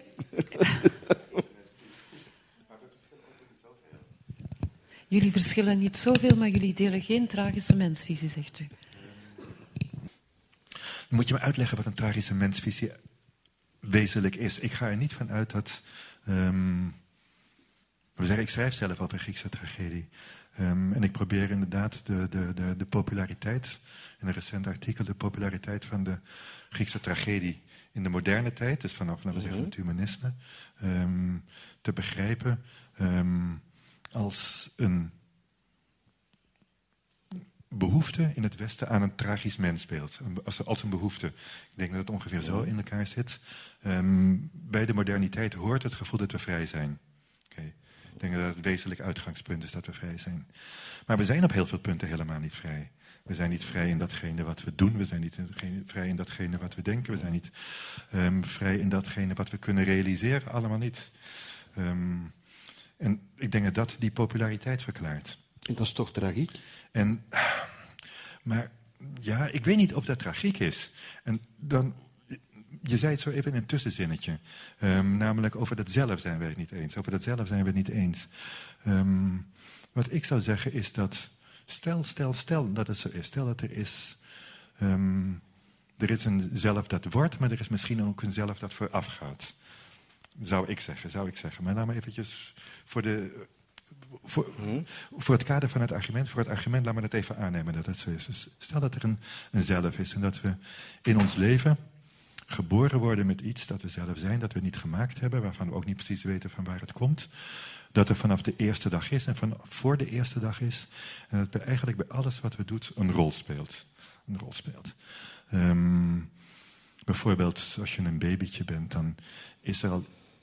Je, je kijkt naar een kindje, je kijkt naar een babytje en je weet al, bijna dat is er zo eentje of iets. Je ziet iets, je ziet iets in het ritme van het bewegen van een kind. Je ziet iets in de ogen. Um, ook al kunnen die ogen nog niet helemaal goed kijken of fixeren of wat dan ook. Je weet op dat moment dat er, al dat er iets is. Vanaf dat moment um, krijgt een kind, uh, wordt een kind natuurlijk onderworpen aan duizend invloeden. Tienduizend, honderdduizend invloeden. Um, wat dat betreft, je maakte die opmerking dat de mens eigenlijk langer zwanger zou moeten zijn. Omdat een kind dan volmaakter ter wereld komt. Ik denk dat je daarin vergist. Ik denk dat het precies goed is dat een kind niet af ter wereld komt. Omdat dat hem de, de mogelijkheid geeft om al die invloeden aan te nemen. en voortdurend te reageren en ook, we zeggen, niet helemaal... En daardoor hoort hij ook, kan hij in de omgeving en in de familie thuis horen bijvoorbeeld. Als hij al af in de wereld zou zijn. Als hij dat al, heb ik ten gronde beweerd. Oké, precies, ja. Alleen, eh, dat, dat- daar betalen we een prijs voor. En wat is die prijs? Namelijk een bepaald soort kwetsbaarheid hè, waar we mee te leven hebben, omdat de zaken niet vastliggen. Voeren jullie in dat opzicht beide een pleidooi voor de kwetsbaarheid? Voor het onder- onderkennen dat er kwetsbaarheid Natuurlijk. is.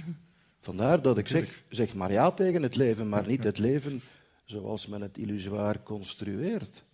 En het dan toch via een achterpoort weer opzoekt. De tragedies blijven toch aanspreken. Waarom? Omdat wij, zoals de theoroi in, in het oude Griekenland, ons aangesproken blijven voelen door de worsteling van met gegevenheden. Hè, soms ergens in terecht te komen waar men niet wil in terechtkomen.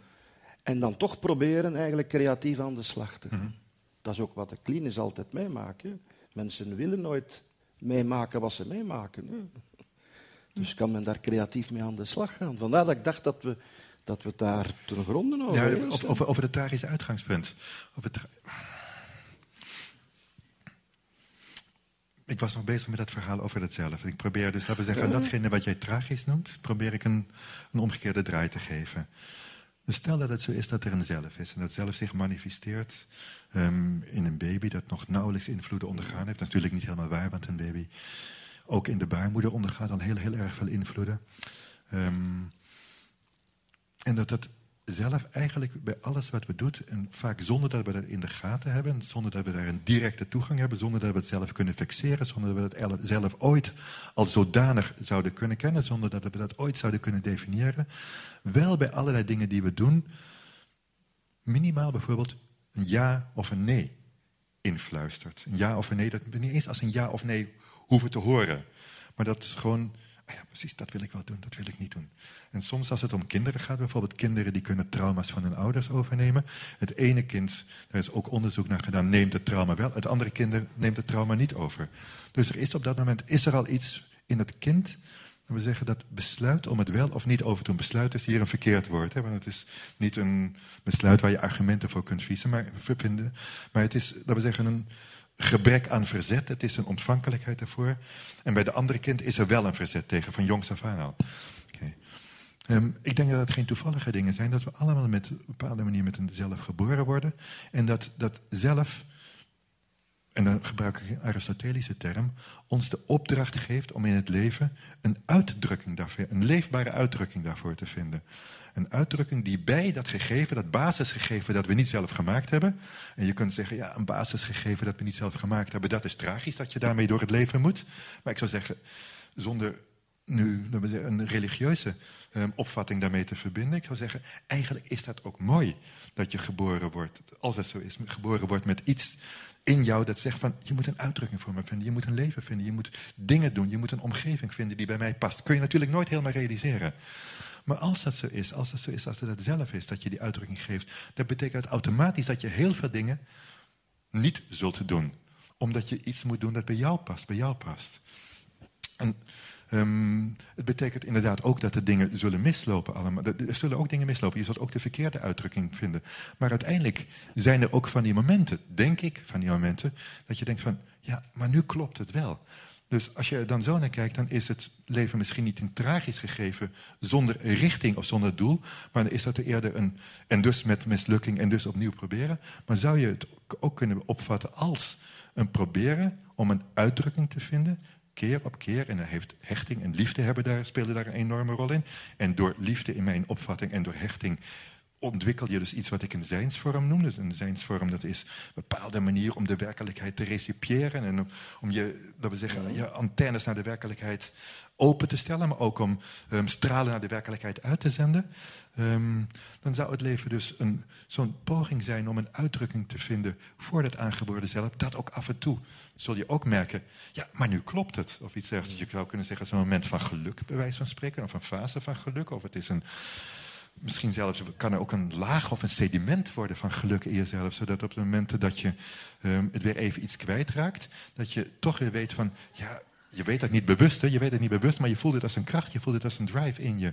Ik ben eigenlijk daarmee bezig om die uitdrukking voor jezelf te vinden. Ja, er zitten mislukkingen in, maar maakt dat die drive tragisch, dat geloof ik niet. Uh, ik herken dat als de oude discussie uh, van het probleem, kan een filosoof eigenlijk uh, het onbewuste en die elementen denken. Je blijft een bewustzijnsfilosofie. Mm -hmm. En in dat opzicht is die vraag dat zelf wat voor iets is. Dat, maar zonder in die techniciteit.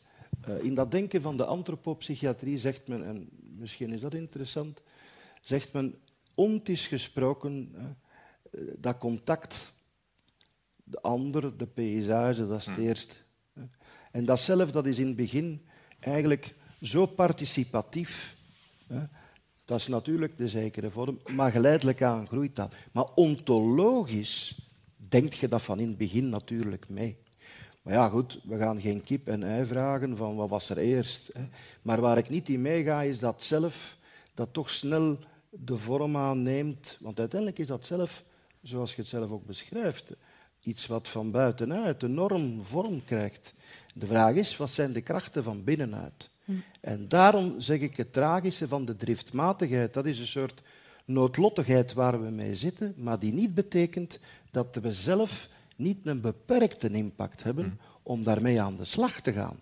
We hebben een spel kaarten gekregen en je kunt daar op verschillende manieren mee spelen. Maar als je dat, laat ons zeggen, maar aan zijn beloop overlaat, ter goeder trouw, kom je heel dikwijls met jezelf bedrogen uit. Wat is dat spel kaarten dat we meekrijgen? Dat is wat mij betreft die driftmatigheid. Wat driftmatigheid? En binnen, de, binnen wel, die, dat samenspel, biologisch ook, van een bepaald soort driftmatige constitutie binnen een bepaalde maatschappelijke hmm. gegevenheid, die, die we ook niet uitgevonden hebben zelf. En wie zijn die we die dat meekrijgen? Dus wie die... Ik bedoel, mensen. mensen.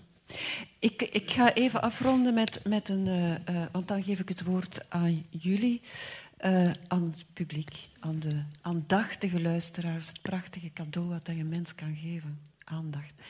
Uh, ik kwam net uit een college dat ik gaf over Eros. In, bij Plato een demon, in de goede zin van het woord. Ik doseer filosofie in Maastricht aan de acteursopleiding. En um, Eros is bij Plato, uh, wat later bij Freud, de noodzaak van de drift wordt. Ook het verlangen bij jou. ben speelt een heel grote rol. dat willen, het woord komt in jullie beider betogen terug. Het willen, het gedreven zijn, uh, het verlangen. En um, daarbij dat in combinatie brengen met het verdriet en het gemis. Hoe noodzakelijk is het om daar te blijven bij stilstaan? Of is het veel belangrijker om ermee te leren leven? Het gemis. Mm -hmm. okay. En, met, en, en ja, met het verlangen, het altijd door willen. Uh, als je want je hebt het even aangehaald, het, het stollen van het moment, het stollen in, in verdriet, is, is het. Uh, um... Er zijn verschillende manieren natuurlijk om het gemis. Zeggen, gemis, zal, gemis is gemis. Mm -hmm. Wat je mist, dat zal nooit ophouden om. Je zult nooit ophouden om iets dat je mist, om dit niet meer te missen, denk ik.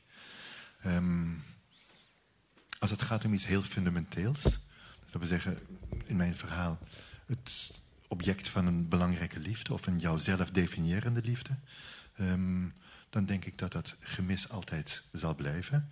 Maar dat hoeft niet op de voorgrond van je bestaan te zijn. Dus Johan gebruikt de term landschap. Ik gebruik de term landschap in mijn boek ook. En ik spreek over Mhm. landschappen in de ziel of streken in de ziel. Dus ik denk dat er gebieden in de ziel zijn die te maken hebben met een bepaalde vorm van bestaan of een bepaalde vorm van zijn, die door omstandigheden niet meer kan, niet meer bereikbaar is, niet meer mogelijk is. Dan betekent dat het gemis daar bestaat. Dat gemis dat bestaat daar. Je hoeft die pijn niet te voelen en zeker niet als er daarvoor in de plaats een nieuwe, lief, een, een, een nieuwe liefde of een nieuwe zijnsvorm komt. Maar ik denk dat een nieuwe zijnsvorm, ehm, dat die bijna altijd een minder uitbundigheid heeft, maar daarmee niet minder waard is ehm, dan een vorige zijnsvorm. Dus ik denk dat er een soort van wijsheid misschien wel in een nieuwe zijnsvorm ehm, bestaat. En dat betekent dat als dat zo is, als dat is wat ik klopt, als, dat als, als datgene wat ik zeg klopt, dan is dat op een bepaalde indirecte manier het gemis van ooit is ook al aanwezig in het nieuwe bestaan. Maar niet als zodanig, niet als zodanig, maar het helpt mee om te maken die nieuwe zijnsvorm. Dus datgene wat we ooit geleefd hebben, dat kunnen we niet opnieuw leven. Een bepaalde vorm van liefde die je ooit gehad hebt, die kun je niet herhalen met iemand anders of met iets anders. Dus datgene wat er voor in de plaats komt, liefde die voor in de plaats komt, die zal altijd op een bepaalde manier al getekend zijn, gedefinieerd zijn, maar ook op een optimistische manier of een mooie manier getekeneer- gedefinieerd zijn door datgene wat je voortaan zult missen. Ehm, als het over verlangen gaat, ehm Johan en ik denk ik hebben een verschillende opvatting van verlangen. Ehm, dus wat ik in mijn boek heb proberen uit te leggen is, en het gaat ook over eros in dit geval. Ik heb het niet eros genoemd, maar natuurlijk, ik ken de tekst van Plato goed. Er is een soort van paradoxaliteit in het verlangen. De paradoxaliteit bestaat erin dat we aan de ene kant dat verlangen als het verlangen van ons ervaren. Je zegt ook ik verlang. En tegelijkertijd lijkt dat verlangen ook iets te zijn dat aan het ik, dat op dat moment ik, ik, ik verlang, dat daar buiten bestaat. Het lijkt alsof we ons verlangen constateren. Je kunt ook niet besluiten tot verlangen bijvoorbeeld. Je kunt niet zeggen, nu wil ik verlangen. Wat je wel kunt zeggen is, ja, er staan barricades in de weg van mijn verlangen. Ik kan proberen die barricades weg te nemen. Maar je kunt jezelf niet dwingen om te verlangen. Oké. Dus het lijkt alsof dat verlangen iets is wat aan de ene kant heel erg bij je hoort. Aan de andere kant ook ten opzichte van iets wat we ook zijn, ehm, extern is. Oké, goed. En in dat verlangen, in dat verlangen, dat zou ik interpreteren ook het Platoonse erotische verlangen, ehm, als iets dat weten, weet van jouw leven. Dus dat de geschiedenis van jouw leven in zich heeft. Het verlangen daarvan zou ik zeggen, dat is niet blind, dat is niet onbepaald, maar het weet wat er in je leven gebeurd is. Zonder dat er, dat we zeggen niet in woorden of wat dan ook, maar het verlangen is niet zomaar een blind verlangen, maar het is jouw verlangen omdat het jouw geschiedenis met zich meedraagt. En soms misschien ook wel geschiedenis die al aan jou vooraf gaat. Je verlangen is nooit een blind verlangen. En dat merken we ook. Dus ehm, mensen die, nou ja, als, als het klopt wat ik zeg, dat, er dus, dat je in het verdriet een zijnsvorm verliest en naar een nieuwe zijnsvorm beweegt, dat je, is het je het verlangen dat je die weg naar die nieuwe zijnsvorm toont. Of dat je, En dat je daar ook aanwijst. En op een gegeven moment, na heel veel tumult en heel veel chaos, wordt het een klein beetje rustiger. En het lijkt alsof het aankomt op een punt, alsof je gestuurd wordt naar een punt waar je wel een nieuwe zijnsvorm kunt kiezen. En Johan, wat moeten we dan met de driften in dit verhaal? Eh, het, ver- het verlangen, de motor van het verlangen, analytisch gesproken, is het gemis. Alleen dat verlangen is voor een stukje blind. Zelf verblind. Vandaar dat we soms ons, ons ongeluk tegemoet lopen. Maar dat is voor mij een deel van het tragische, dat wij als mens eigenlijk eh, als opgave hebben om eigenlijk gestalte te geven aan ons verlangen. Met de driftmatigheden die ons gegeven zijn. En daar zijn allerlei manieren voor, maar dat is iets anders dan te denken, ik heb de oplossing gevonden. In dat opzicht ook wat geestelijke gezondheidszorg betreft. Welke antwoorden kan iemand driftmatig formuleren? Dat kan heel waanzinnig lijken, maar misschien voor de betrokkenen de zijnsvorm, de best mogelijke zijnsvorm, blijft belangrijk van. Wat is die paysage van gedragen te worden door anderen, wat iets anders is dan, dan buitengezet te worden, eh, geëxcludeerd en zo meer. Ja. Dankjewel. Ik ga Dus leren met leven is niet er u bij neerleggen. blijven voortgaan. Ja. Ja. Wie heeft er hier een vraag die hij of zij graag wil stellen en verlangt daar ook naar om die te stellen? Ja, ik, eh, mijn vraag is uh, of u iets kunt zeggen, u beiden, over de rol van religie in het leren leven met, met uw verlangen. En ook gemis. Dus, ja. Uiteraard, ook gemissen. Maar die twee hebben met elkaar te maken, hè? Mm, heb ik ja. begrepen. Rol van religie. In jouw boek speelt dat voor een deel ook mee, religie. Het verbindende. Het, Namelijk op welk punt speelt het mee? Ja, als je het hebt over uh, de bruggen bouwen en ah, uh, iets uh, op een metaniveau. En hmm. in, je zou kunnen zeggen dat Orfeo, die je ook aanhaalde, is ook een vorm van vooruit willen kijken, maar denken dat het al achteruitkijkend is. Hmm. Dus verschillende werelden samenbrengen. Het geloven in. En ik interpreteer religie nu heel breed.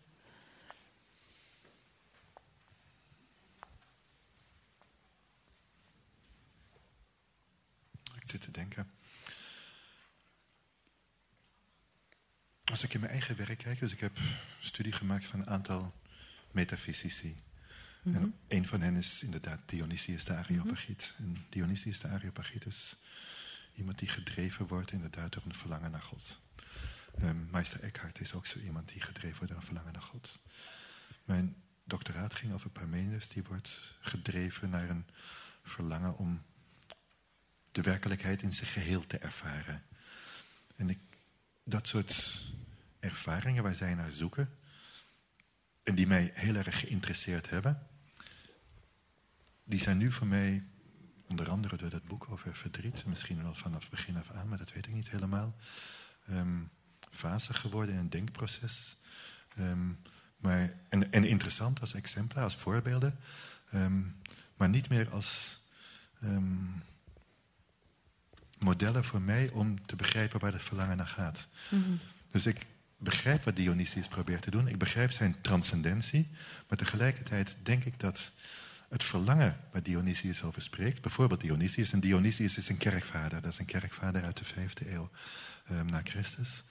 Um, dat het verlangen dat hij dat zo heeft kunnen richten op een ervaring van God. Een henosis, een verening op een bepaalde manier. Omdat hij eigenlijk de menselijke of de antropologische of de mens constituerende kant van het verlangen miskend heeft.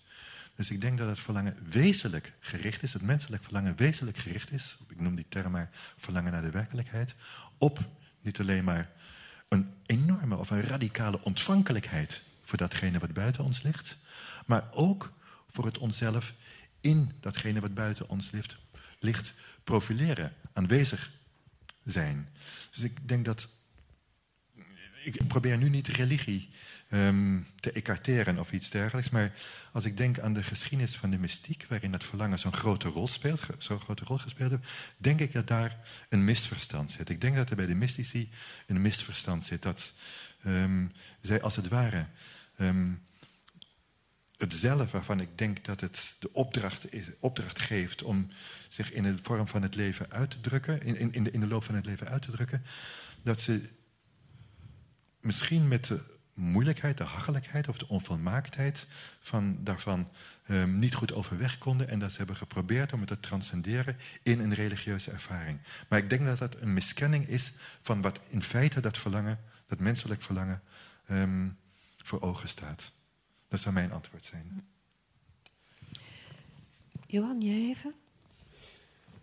Uh, vanuit de klinisch oogpunt heb ik de ervaring dat, uh, los van wat er allemaal in de, de religieuze dogmatiek van verschillende godsdiensten aan bod komt, dat, er, dat voor een aantal mensen dat een ultieme houvast is van zich te bevinden in zo'n kader, met alles wat er dan kan bijkomen, waar men wil een landschap zoals men dan zegt, de gemeenschap van de gelovigen. Hè.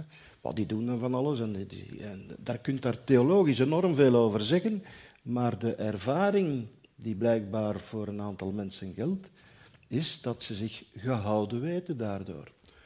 Uh, zoals ik denk in de kliniek van de verslaving ook. Hè. En ik wil niet zeggen dat een AA-club een religie is, maar ook daar Wat functioneert er daar? Blijkbaar een permanente aanwezigheid. Los van wie dat, dat dan is, wat men heeft evident preferenties. Dus ik denk dat religie in deze een, uh, een van de essentiële houvasten kan zijn. En in de mate dat dat weg is gevallen, dat dat misschien voor een aantal betekent dat men niet zomaar direct andere houvast heeft. Maar daarmee is niet het laatste woord over religie gezegd, want het is een complex fenomeen. Hè. Dus het is louter een klinische bedenking die ik heb. Uh... Ja, dankjewel. Nog iemand? Ja, alsjeblieft. Ja, het is al um, ook ter sprake gekomen hè, um, in het stuk van hoe dat toch een verschil is met de onzekerheid in het verleden um, en hoe dat er nu toch meer veiligheid is, en meer stabiliteit, meer toekomst. En ik vroeg mij af of dat dan misschien bijdraagt, hè, hoewel we in enquêtes aangeven dat we gelukkiger zijn, maar dat we eigenlijk meer vluchten van echt die kernemoties. Hè. Je hebt verdriet en verdriet, zoals u ook benoemde. Um, kan dat maken dat we inderdaad um, ja, een beetje de luxe hebben, maar dan als neveneffect dat we ongelukkiger zouden kunnen worden in de kern, dat we eigenlijk dat echt verdriet kunnen vermijden en tegelijkertijd de hoeveelheid aan prikkels, dat we daardoor echt contact ook, hè, want prikkels kunnen andere zijn, maar het, gewoon de hoeveelheid van wat er is, dat we daardoor ook het echt contact vermijden. Ik wil er wel even op antwoorden. Tenminste, ik wil er iets op zeggen. Um, ik hou er inderdaad een pleidooi voor dat um, verdriet. Er gebeurt veel in verdriet. Er gebeurt veel in. We, leren bijvoorbeeld dat als we nog een keer in die interpretatie van zijnsvorm tot zijnsvorm bewegen, leren we dat we in ons meerdere levens hebben, meerdere levensmogelijkheden hebben. Um, en als wij meerdere levensmogelijkheden, levensmogelijkheden hebben, andere mensen dat ook. Dus we leren dat we bijvoorbeeld niet één mens zijn. We zijn één mens, maar we, hebben alle, we leren onszelf aftasten en daarmee andere mensen aftasten in het verdriet. Juist op het moment dat we die zijnsvorm die we hebben, dat we die kwijtraken. Dat we in het chaos en het tumult belanden. Dan moeten we iets nieuws, we moeten iets nieuws. We overwegen dit, we overwegen dat, we overwegen dat, we overwegen dat. Soms is het van een voorbeeld van buiten, maar meestal is het iets wat al in ons aanwezig is. Iets wat we eerder overwogen hebben, iets wat eerder een verlangen geweest is, enzovoort. Um, en het gevolg daarvan is dat um, we ontvankelijker worden. We worden ontvankelijker, denk ik dus inderdaad ook voor andere mensen daardoor. Ik denk dat dat een belangrijk ding zou zijn, um, een belangrijk punt is. Dus verdriet maakt ons in het algemeen, als het goed is, ontvankelijker um, voor, voor anderen. Op het moment dat we het verdriet als het ware gaan onderdrukken door het proces van zijnsvorm naar zijnsvorm niet aan te gaan, of door quasi-verdriet in quasi-verdriet te leven, dan verliezen we naar mijn gevoel dat mooie bijverschijnsel van het verdriet van die ontvankelijkheid of die zachtheid. Het inzicht in onze eigen kwetsbaarheid, het inzicht in de kwetsbaarheid van anderen, het inzicht ook dat zoals wij niet één wezen zijn, één welgedefinieerd wezen zijn, ook die andere mensen niet één welgedefinieerd wezen zijn. We leren onszelf daardoor beter verkennen en daardoor ook andere mensen beter verkennen.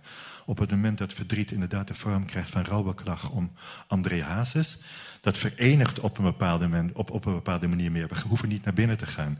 Dus dan heeft het verdriet niet die kracht om dat bijverschijnsel, dat heel belangrijke bijverschijnsel van zachtheid of ontvankelijkheid, wat ik denk dat essentieel is, te wekken. Je zou zelfs kunnen zeggen dat dat een van de onbewuste drijfveren is in de huidige tijd om bang te zijn voor verdriet. Namelijk om onze zachtheid, om onze ontvankelijkheid, maar niet zo breed te maken, maar niet te hoeven oefenen. Omdat dat leidt, dat we zeggen, tot een hele andere positie in, ons eigen, in onze eigen samenleving, maar ook in de wereldsamenleving. Akkoord? Dus kwetsbaarheid maakt ook, doet ook bruggen slaan of het landschap groter maken of een zicht krijgen op een panorama van de ander. Dankjewel. Daar, nou, daar drie woorden op terug. Ik denk dat we letterlijk en figuurlijk uh, versuikerd worden. Versuikerd? Ik wil mij niet laten accapareren door uh, allerlei uh, conservatieve krachten. Maar het punt is wel, vind ik, dat van veerkracht, dat is niet iets waar je mee zomaar geboren wordt. Dat is ook een stuk een gegevenheid die te ontwikkelen is. En dus de vraag is van gelukkiger worden, hè, gaat dat gepaard met het bannen van of is dat het leren speels omgaan, de lenige liefde? Hè? En leren verliezen ook. Leren verliezen. Nog één vraag, dat is de laatste. En, maar jullie kunnen daarna nog vragen stellen. Maar kan je korte, korte vraag stellen? Uh, wel, eerst bedankt voor uh, dit interessante gesprek. Vervolgens uh, zou ik willen vragen naar jullie visie of idee op klimaatproblematiek en verdriet, individueel of collectief verdriet. ik moet namelijk denken aan Greta Thunberg, die we meermaals in treinen hebben zien uitbarsten. En als, als, als jullie beweren dat pijn, echte pijn, iets is dat ontwricht, moeten wij dan niet in deze tijden die ontwrichting uh, opzoeken, die pijn opzoeken? Uh... Ja, verdriet soms ook als bron van woede, maar angst. Uh, dus ik kom even terug naar, naar, naar, naar jouw zeer specifieke vraag. een tijd van klimaat marsen, klimaatgevechten uh, en verdriet. En hoe gaat dit samen? En moeten we het soms ook niet opzoeken? Ik denk dat je het verband kunt leggen. Ik heb dat niet gedaan, maar ik denk dat je het op twee manieren kunt leggen. De ene manier waarop je het kunt leggen is um, dat, we zeggen, de klimaatproblematiek, als we die willen oplossen, als we er iets mee willen, zal een enorme impact hebben op ons leven. Die zal een impact hebben op ons leven. Het leven zal anders moeten. En dat anders moeten van het leven, dat zal ook leiden tot verlies van bepaalde dingen, denk ik. Van een bepaalde gevoel van mateloosheid, of dat we maar kunnen, dat we de wereld in ons... Maar ook van bepaalde bezitting of een bepaald comfort van leven. Ik denk dat is de ene kant. Aan de andere kant um, denk ik dat we nog steeds... Het verandert natuurlijk, het verandert. Een collectief afwenden is van de klimaatproblematiek. Dat exact te maken heeft met um, die hardnekkige overtuiging dat mensen, um, of dat de wereld, dat in ieder geval met een bepaald. met de afwezigheid van een bepaalde vorm van zachtheid, zeg het zo, een bepaalde vorm van zachtheid of ontvankelijkheid, om te realiseren wat er met de wereld aan de hand is. En dat zit in die levensrace, in die levenswedstrijd, um, die geen uitvallers lijkt te verdragen. Dus we moeten voortdurend moeten we naar een ander ding, naar een ander ding. We moeten beter zijn. We mogen niet verdrietig zijn, we mogen niet rusten, we mogen niet zacht zijn. We worden voortdurend voortgestuurd. En dat voortstuwen, um, als zodra er verdriet is, dat heb ik ook proberen uit te leggen, zodra er verdriet is, raakt dat voortgestuurd, dat raakt vertraagd. Dus dat willen we op een bepaalde manier niet. Dus het feit dat verdriet niet verdragen wordt, is waarschijnlijk hetzelfde, um, is een andere kant van um, de blindheid voor Um, onder andere klimaatproblemen, niet alleen klimaatproblemen. Klimaatproblemen is iets wat we allemaal met elkaar delen op een bepaalde manier, omdat het over alle onze levensomstandigheden betreft. Maar je kunt ook spreken over economische problemen, namelijk. Ik weet dat er marginale bewegingen zijn om sharing, om bijvoorbeeld een delen te gaan doen. We zitten nog steeds zitten we in die context waarin het er gaat, maar om maar te verdienen en om maar te groeien, bijvoorbeeld. Um, dus ik denk dat het, er, er, in die zin twee verbanden zijn. Dus aan de ene kant dat, dat, dat um, het klimaatprobleem ons tot zachtheid kan dwingen, dat die zachtheid ongewenst is. Um, en dat die ongewenst is, um, is een symptoom van diezelfde houding als die verdriet ongewenst maakt. namelijk dat we niet mogen verliezen. We mogen eigenlijk niet verliezen. Dat betekent niet dat we in onszelf niets mogen verliezen, maar we mogen niet verliezen van een vermoedelijk onzichtbare tegenstander. Economisch model dat gedreven is op winst, dat sluit uit dat er een tegenstander, sluit uit dat er een verliezer is. Wil ons niet tot verliezers maken. Oké, dus heel losjes gezegd. Johan, wil jij daar even op inpikken nog? Ik trek de parallel tussen wat ik vrees dat de aandacht voor het het landschap, wat het moeilijkste objectiveren is psychisch, hè, zie ik terug. Eén, zoals ik zou zeggen, ik begrijp u in termen van je moet het leven teruggeven aan het leven. Je moet het leven met zijn dynamiek, waar ook kwetsbaarheid en verlies in zit, teruggeven aan het leven. Aan dat uh, leven dat eigenlijk ontkracht is, uh, mediatiek. Zoals men in de ecologie zegt men ook de natuur voor een stuk moet teruggeven aan de natuur. En dus onttrekken aan alle instrumentalisering tot objecten die lustvol kunnen zijn en wat weet ik allemaal. En dus eigenlijk ons te ontobjectiveren, maar ook ons te ontsubjectiveren in termen van ik, ik. En opnieuw grote, dat brengt jullie ook weer samen, en het landschap en de brug, grote verbanden te zien en verbanden te blijven houden en te vernieuwen. Dankjewel voor jullie aandachtig verband. En uh, er is nu, zoals uh, Zeno al aangaf, een uh, korte receptie, of lange. Die mag je zo lang maken als je wil. Geniet in alle geval, blijf verlangen. En wees er zeker van, verdriet, daar word je van. Daar blijf je nooit hetzelfde mee. Dank je wel. Je luisterde naar een podcast van De Buren, het Vlaams-Nederlands Huis voor Cultuur en Debat. Benieuwd naar ons literaire aanbod? Luister dan ook naar radioboeken, citybooks en andere audioverhalen. Ontdek ons podiumprogramma en al onze digitale producties op www.deburen.eu.